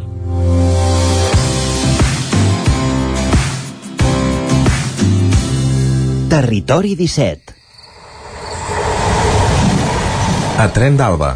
Cada dia els usuaris de la línia R3 de Rodalies que veuen sortir el sol des d'un vagó ens expliquen les gràcies i les penes del primer comboi que uneix Ripoll i Barcelona. Benvinguts a Tren d'Alba. Aquests dies us estic explicant com de malament van les obres del túnel de Toses, però també m'agradaria fer-vos 5 cèntims de la història d'aquesta infraestructura i de la seva importància. Les primeres obres que es van fer per construir aquest túnel van començar fa més d'un segle, el 1911. És un túnel que està situat al quilòmetre 29 de la línia entre Ripoll i Puigcerdà, entre les estacions de Toses i la Molina. Aquest túnel salva la collada del mateix nom a 400 metres de profunditat. La longitud total de l'obra, incloent-hi la part artificial, és de gairebé 4 quilòmetres, concretament 3.904 4 metres i a dins seu s'hi localitza la cota 1494, la més alta de la línia. Forma part del denominat Transpirinenc Oriental, el recorregut ferroviari més alt de l'estat espanyol en adherència i en pla normal, que presenta rampes del 41 per mil i travessa zones amb paisatges molt bonics i espectaculars. Evidentment, una infraestructura centenària i de la importància capital com aquesta no es pot deixar perdre com si res, perquè és l'enllaç entre el Ripollès i la Cerdanya i de retruc amb França. Per tant, esperem que al mes de maig les obres ja estiguin acabades i s'acabi aquest malson. Va, ens retrobem demà per explicar-vos més històries de la R3. Territori 17 El racó de pensar, a Territori 17. Doncs després de passar per la R3 i d'anar a l'estany, ara ens toca el racó de pensar, Vicenç. Sí, senyor. I és hora de saludar a la Maria López. Correcte, doncs vinga, la saludem ara mateix. Molt bon dia, Maria. Bon dia. Hola, Maria. Doncs Bon dia i benvinguts Ara, un ara. dijous més al racó de pensar. Bon dia, bon Avui dia. tornem a la versió confinada de l'assumpte, però com sempre, com cada setmana, compto amb nous tertulians que m'acompanyen a l'altra banda de la línia. Avui us portem un tema que aquí, a casa nostra, a Ràdio Televisió Cardedeu, ve molt al cas. I és que aquest dissabte se celebra la final del talent show Operació Paqui. Un programa on 10 concursants d'entre 13 i 19 anys, ja veieu, petits, han fet una autèntica marató artística, en aquest cas de cant, interpretant diferents peces musicals a cada gala. Un concurs que, a banda dels valors molt positius que transmet, també, com a tota competició, genera cert estat d'estrès i de nervis. Un cas semblant que el que viuen molts infants i adolescents que formen part d'un equip esportiu i competeixen cada setmana amb cert nivell d'exigència. Sembla que la tendència educativa actual intenta fugir, a poc a poc, de la competició per competir, aquella competició gratuïta, que potser no cal. Bé, ara veurem si els nostres convidats pensen igual i estan d'acord amb aquesta afirmació. Però com viuen aquests infants i joves aquest nivell de tensió? Què suposa a les seves vides? Com la gestionen? És positiva la competició? I quan ho és, ho és en tots els casos? En quin cas la competició suma i aporta valors? Per parlar de tot això, avui comptem amb l'Amat Molero. Ell és el dinamitzador del Casal de Joves de Cardedeu i fa de coach, d'alguna manera, d'aquest acompanyament emocional als concursants d'Operació Paqui. Hola, Amat, com estàs? Hola, hola, molt bé, molt bé. Esperant a dissabte esperant a dissabte. Ara ens expliques això una mica més com està tot el tema. I comptem també per parlar d'aquesta vessant més esportiva de la competició dels adolescents i infants pel que fa als jocs d'equip o la competició esportiva en general amb la Laia Fuster. Hola Laia, com estàs? Hola, bon dia, què tal? La Laia ha estat jugadora, va ser jugadora del Barça femení. Amb 15 anys ja estava sotmesa d'alguna manera a, aquesta, a aquest nivell de competició i actualment és una de les entrenadores de l'infantil femení de Cardedeu. Tot i que ja m'ha dit abans que aquest equip no competeix i de moment ha decidit no fer-ho. Laia, no sé si és que vas acabar tan escaldada de la competició que directament els has dit, eh, passem, passem. No, que va, que va Eh, la cosa bona que té aquest equip és que és un equip que ha sortit de les nenes mateixes. En concret va ser, van ser dues classes de camp manent que l'any passat es van organitzar. I a partir d'aquí van muntar un equip i no volien competir, volien aprendre i s'ho volien passar bé. I, I vam sumar moltes nenes que en un altre moment no haguessin anat a buscar a jugar a futbol. I aquest any pensàvem que no hi hauria continuïtat i, al contrari, han volgut tornar totes les nenes i amb el mateix format que, que l'any passat. Per tant, és el que elles decideixen. Això t'anava a dir, d'alguna manera ja parlaves, ja parles de la voluntat. Tu en el seu moment sí que tenies voluntat per competir? Absolutament, sí. Sí, sí. Eh, de fet, jo somiava jugar a futbol en un equip, eh, en un equip no imaginava que seria el Barça al principi, però jugava, sí, imaginava poder jugar en un equip, sí, i jugar una lliga i comptar els punts i tot això, sí, sí. S'ha parlat moltes vegades a diferents esportistes que ha sortit després amb el, amb el temps, allò ja quasi quan fan les biografies, no? de quan, de quan, quan escriuen el llibre ja perquè s'han jubilat, uh, parlant o criticant a vegades el nivell d'estrès als que s'han vist sotmesos per entrenadors o entrenadores o per familiars directes durant aquesta etapa. Tu que ara ho pots veure amb una mica de perspectiva, eh, consideres que et vas veure sotmetre externament a certa pressió o eres tu mateixa, d'alguna manera? Jo crec que jo mateixa, també era un altre moment, eh, clar, no, no és el moment d'ara, amb xarxes o amb, no sé, amb la tele, amb el futbol femení ara sí que es veu, no? però abans érem una colla que anàvem a jugar. Jo particularment eh, quan vaig començar als 14 anys i als 15 ja vaig anar per al Barça i de seguida em va cridar la selecció catalana eh, i tal. Mirat enrere, el que veig és que a mi m'hagués faltat un acompanyament. És a dir, mm, hi havia pressió? Doncs sí, perquè que fitxi al Barça o que te'n vagis a la selecció catalana hi ha una pressió que que la portes com pots, vull dir, com tantes altres coses a la vida, no? La portes com pots, però mires enrere i penso, ostres, crec que m'hagués anat molt bé tenir, no sé, un coach, per exemple, o no, un acompanyament en, en tots aquests processos i en la competició, no?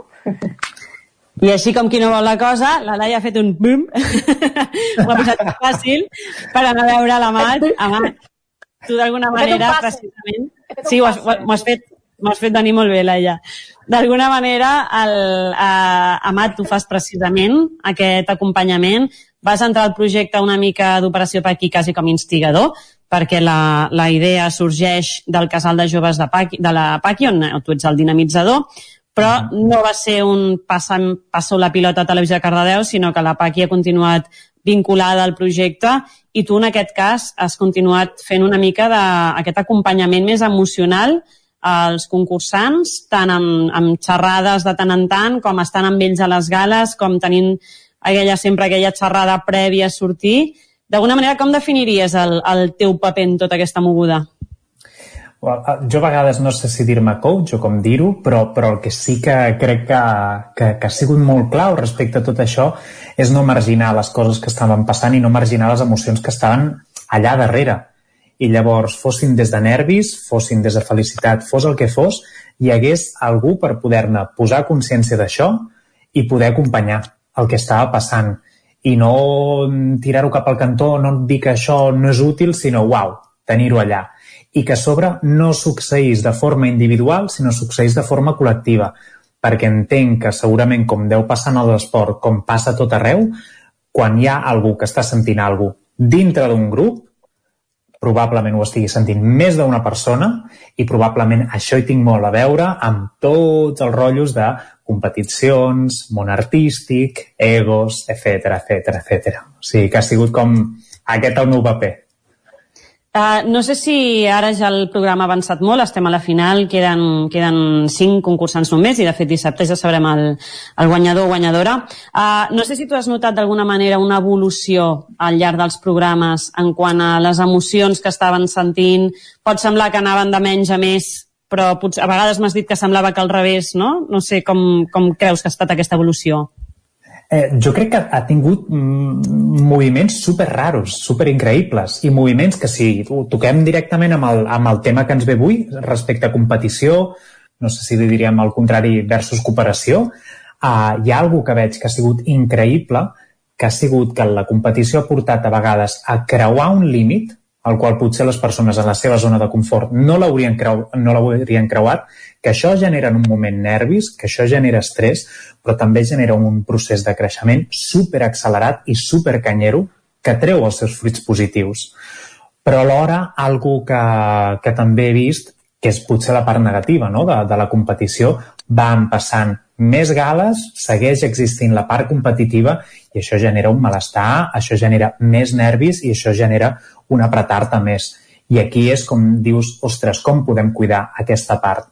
El que sí que m'ha encantat és que el sentiment de família, el sentiment de anem aquí a gaudir, els, tots aquests valors que hem volgut anar transmetent a diferència d'un altre talent show han estat superpresents i això crec que ha pogut cuidar les persones a assar contra unes i les altres i han fet com rebaixar el, la part de competició que pot tenir, bueno, que pot generar un malestar increïble.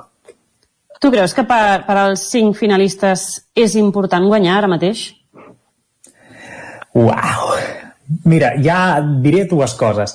Hi ha per una banda que crec que pot ser importantíssim guanyar a nivell de, de carrera personal, a nivell de tirar cap endavant, a nivell de somni, a nivell de flipada, però alhora veig allà present i que també és un discurs que hem anat traient de dir, si plau gent, això no és el final de cap carrera. És a dir, això és un començament, això és un procés de creixement. Fins a on heu arribat? Què és el que ha passat? Què és el que passarà a partir d'aquí? I que també l'altre és el, el que nosaltres no deixem això tirat. Tant la tele com la Paqui donem continuïtat a tot això. I no farem spoilers. No, però déu nhi tot bé, tot bé. No sé si penseu, això us ho pregunto a, a tots dos, eh? Si hi ha alguna, si hi ha alguna edat com... O sigui, que penseu, més cap a baix d'aquí és massa aviat perquè un infant assumeixi la competició. O sigui, a vegades veiem eh, nens i nenes que comencen a competir amb edat realment eh, molt petites, sobretot en el, en el món esportiu, a vegades. No sé si penseu que, home, mínim l'ideal és que hagi arribat a aquesta edat per sotmetre's a aquesta pressió. Laia, una mica potser perquè en el món esportiu sol passar més sovint això, com ho veus tu? Ui, se'ns ha quedat congelada la Laia. Mm. A veure, jo... Laia, ara, digues, digues, perdona. A veure, jo tinc una opinió bé particular, eh? sense els coneixements, bueno, ni, peda ni pedagogia, ni... Ah, val. Doncs, sense tenir coneixements, jo el que veig és que sí que hi ha persones, eh, hi ha criatures, que tenen aquesta capacitat de, de, de poder competir, potser ho necessiten. Després ja s'han de, de treballar moltes coses, com la frustració, els egos i tal. Hi ha, hi ha criatures que jo crec que s'hi poden suportar, però no és el gran. No sé quina seria l'edat. Parlem a partir dels dels 14 que es podria competir. No ho sé, potser parlo per la meva experiència una mica, no? Eh, comences a fer més gran, però, però moltes vegades el que volen amb l'esport és passar-s'ho bé. I sovint en l'haver d'aconseguir aquell lloc perquè et posin a tu i no a l'altre, eh, ostres, jo crec que això és prescindible i que es podria, podria esdevenir a partir d'això, de, dels 14 anys, entre els 13 i els 14 la meva opinió. No sé si considera d'alguna manera que la, la competició sí que té aquest punt positiu. Abans la Mat parlava d'aquest superar a vegades reptes que si no fos per la competició eh, no, no intentaries fer i et quedaries en la teva zona de confort. Té aquest valor positiu, però, però d'alguna manera s'ha de donar molta més flexibilitat a que només competeixi qui vulgui. Penseu que hi ha masses ocasions en què la, els, els infants o joves es veuen obligats a competir sense voler-ho. Qui vulgui, eh? Que la Laia no, a vegades falla una mica la connexió. Uh, no sé, això, com, com ho veieu? Penseu, Laia? Potser, sí, bueno, una mica els dos, eh? Uh, parlo sobretot a nivell d'educació. De, jo abans, per exemple, doncs jo, jo recordo eh, haver anat a, a escola i que ens fessin competicions de lectura ràpida per exemple, no? Uh, que era com una manera, sí que tenia aquest punt de, de d'intentar superar-te tu mateix, però entenc que no tothom li, mm, es podia sentir còmode amb aquella situació i hi hauria segurament gent que li devia generar moltíssim estrès saber que el dia següent ha d'anar allà i llegir hiperràpid davant de tota la classe. Llavors, d'alguna manera, la pregunta és, considereu que la competis, que hi ha masses vegades en què s'obliga a competir a la gent i que aquí és on apareix el valor negatiu? Jo, sí, és a dir, jo veig que la competició forma part d'ara mateix de, de, de la idiosincràsia de la pròpia educació, tot i que es digui que no, perquè hi ha comparacions de notes, perquè hi ha estigma respecte a qui ets, en quina posició estàs, de quina forma se't valora, i el que crec és que hi ha una part que hem de destriar la competició del, de, de, de l'estigmatització que es dona respecte al, moltes vegades en l'educació o també fins i tot el, el que hi té a veure de la competició amb el capitalisme, però que darrere d'aquesta competició hi ha un jo sóc millor que tu, hi ha un jo, si em dóna la gana, trepitjo ningú, a tothom, perdó, a, amb els medis que siguin, perquè jo tinc un objectiu i tant més el procés i per mi el guapo de la competició és que ha d'anar lligada a altres valors, que no ha de ser un fet individual, que aquest fet durant el procés has de cuidar, has de ser conscient de què és el que està passant, és a dir, tot un seguit de, de valors que estiguin allà al costat, que hi tinguin a veure amb participació, amb empoderament, amb consciència col·lectiva, amb, és a dir, que el procés ja estigui enfocant-se des d'uns altres valors i que, per tant, la competició tindrà sentit si no llavors ens llancem directe a un competir des del mm. pur i dur capitalisme mm, voraz. I aquest, sí, aquest tipus de competició sí que per mi és fora. No sé si estàs d'acord, Laia, amb el que comentava l'Amat. Sen... Sí, és que... Sí, sí, sí jo que, que un dels problemes de la competició és a què se li dona valor. I de vegades si es dona valor al, a la persona que ha marcat més gols, doncs la persona... Són moltes les que queden fora, perquè només n'hi ha una que ha marcat molts gols, no? Però eh, es, poden valorar moltes altres coses dins d'un equip. I per mi són tots aquests valors que de la mà mm, que són els que s'han de treballar i que costa molt de treballar, que ja es mira de fer però costa molt de treballar en els, per exemple, de futbol actualment, no? Perquè depenent de tantes coses que potser no pots ser tot, no? Potser només hi ha un entrenador, entrenadora, i que jo no trobo la competició del tot dolenta, però hi ha d'haver, eh, s'han de tocar més, més valors, no només el millor esportista o la millor esportista. Una mica tornant a aquest acompanyament del que parlaves, no? I, i, i, i em tallo, vull dir. Entenc una mica això, parlant, tornant una mica al que comentaves de, dels d'aquest eh, assessorament ideal, no? al voltant sobretot quan es tracta de grans, de grans competicions. Eh, Amat, tu que has estat en, en contacte amb els concursants que estan doncs, eh, sotmesos a aquesta hiperpressió eh, aquests dies, tu creus que tenen ganes de que s'acabi la competició, que s'acabin aquests nervis?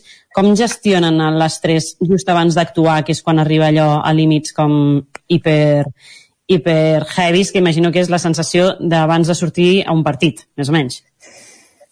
Uau, és a dir, has fet moltes preguntes, Maria. Jo crec que ja, per una banda, número 1, jo crec que ganes que acabi Operació Paqui, potser sí que hi ha ganes de dir eh, que s'acabi aquest estrès, però segur que et dic que no, no hi ha ganes ni que s'acabi, ni Operació Paqui, ni el procés, ni la família que s'ha creat, ni l'oportunitat enorme que crec que es dona un valor increïble a uau, estic sortint a la tele amb aquest pedazo de show que s'ha muntat, amb aquesta oportunitat increïble de tenir assessorament personal. És a dir, crec que això no es vol que s'acabi.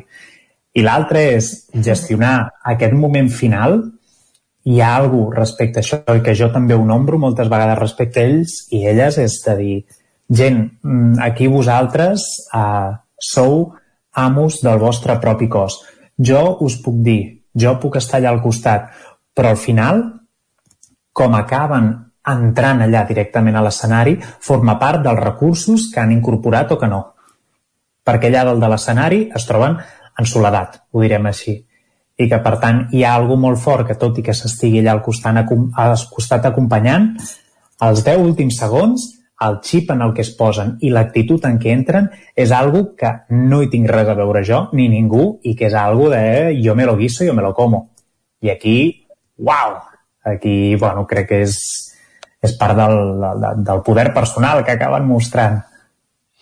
No sé si, Laia, tu consideres, i perquè ho vinc una mica parlant ara del, de l'Amat, que ens parlava d'aquestes bueno, d'aquests moments de nervis i tal, però recordo particularment una de les, de les concursants que van passar, que era precisament una persona bastant, bastant tímida, i que d'alguna manera amb, el, amb una de les gales, dels reptes que se li va plantejar, d'alguna manera va haver de sortir totalment de la seva zona de confort, que era una, un cant així doncs, més parlo de la Mary concretament, que era una, una cantant doncs, que, que tirava molt de... té una veueta així com molt fina i de cançons així com molt balades, tímides i de poqueta cosa, o sigui, de poqueta cosa, petit format, diguéssim, i una, la, el, des del programa el que se li va demanar és que cantés una cançó doncs, a mode explosiu, cavallers i que es, deixés, es desmalanés a l'escenari una miqueta, no?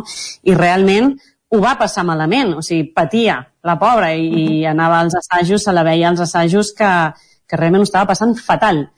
Però un cop va passar, eh, ella mateixa va, va arribar a qualificar que el programa eh, li havia canviat la vida, perquè sabia, ara se n'adonava de que si es proposava una cosa, podia fer-ho. I que al final, eh, d'alguna manera, com que va veure que el bloqueig se'l fa més ella mentalment que no les seves possibilitats reals. Llavors, en aquest sentit, no sé d'alguna manera si el... penseu que hauríem de forçar una mica més la màquina, abans parlaven de la voluntat de competir o no, però fins a quin punt a vegades és una pressió normal i és un, es, un escut normal, però a vegades si s'afegís aquest punt d'exigència aconseguiria, aconseguir, eh, diguéssim, posaríem llenya amb un valor d'autoestima molt més gran i que a vegades tendim, ens és més còmode no? el fugir de la competició perquè ningú ens volem sotmetre a aquell, a aquest moment d'estrès. No sé si esteu d'acord, eh, que hauríem de d'alguna manera forçar la màquina en aquest sentit o és, ha de ser una cosa com molt més voluntària, per si dir-ho? Jo crec que es troba la, la, la, la clau en interseccionar-ho claríssimament. Sí, és a dir, si no hi ha sí, la però voluntat... també depèn de qui t'ho demani. Digues, digues, Laia. Jo crec que també té a veure amb què qui et demana què i com et donen les coses, si realment t'ajuden a que surti el millor de tu, o al contrari, no, no pots acabar de sortir de la cosca, no? perquè et protegeixes d'altres coses. Eh, en el meu, jo parlo sobretot en el, en el meu cas que el que trobava era entrenadors, és a dir, els que estaven en el futbol masculí i llavors entrenaven a noia, a dones o així, i no sempre t'ajudaven a, a treure el millor o a superar aquestes, aquestes frustracions o, o aquestes limitacions que totes podíem tenir, no? Com per exemple aquesta noia amb la timidesa, ostres, doncs se l'ha acompanyat, ha pogut tirar endavant, ostres, que xulo. L'ha ajudat. De vegades no sempre reps aquesta ajuda.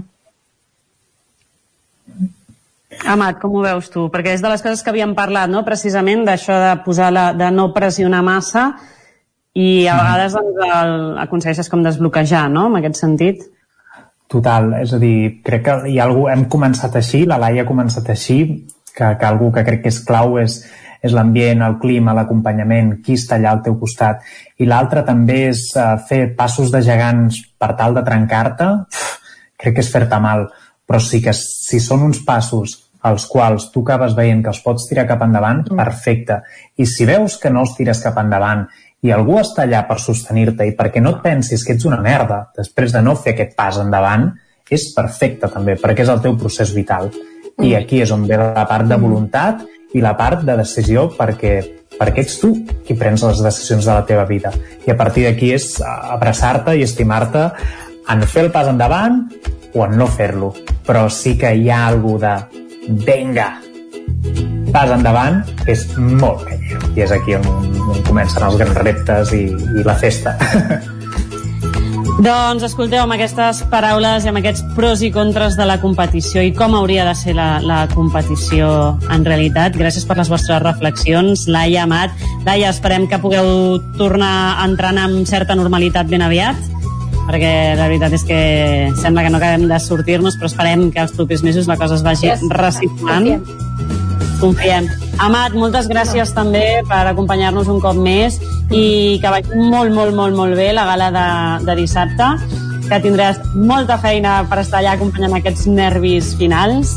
I per la nostra part res més tornarem dijous vinent torno al relleu de seguida cap a Vic i tornem dijous vinent amb un nou racó de pensar a Territori 17 molt bé, doncs moltes gràcies Maria per aquest racó de pensar d'aquest dijous uh, un racó de pensar que com sempre això ens ajuda a pensar però ara Vicenç el que hem de pensar és uh, anar per acabar perquè se'ns acaba, se acaba ja el temps. Això sí, recomanem a tothom que vulgui i pugui que no es perdi aquesta final de l'operació Paqui a Ràdio Televisió de Cardedeu que més a través de les xarxes també es podrà seguir des de qualsevol indret de Territori 17 ens n'han fet venir ganes vaja, jo almenys dissabte procuraré estar-ne pendent perquè la cosa promet i es pot veure per YouTube, es pot veure mm -hmm. per la pàgina web de Ràdio Televisió Cardedeu, tots aquells que no puguin sintonitzar BOTV o Televisió de Cardedeu, doncs el que poden fer és mirar-ho a través de les xarxes i d'aquests canals. Doncs això ens ho apuntem, per tant ja tenim feina uh, pel cap de setmana, un cap de setmana de confinament, però el que toca és pensar en acomiadar el programa.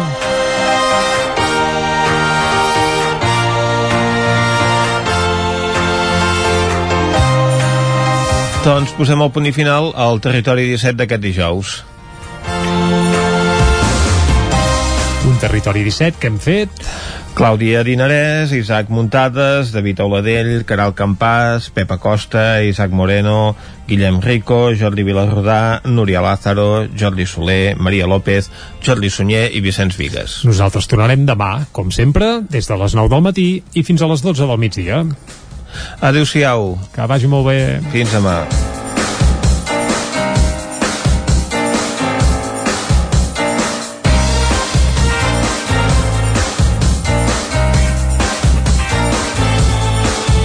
Territori 17 un magazín del nou FM. La veu de Sant Joan. Ona Codinenca. I Ràdio Cardedeu amb el suport de la xarxa. El nou FM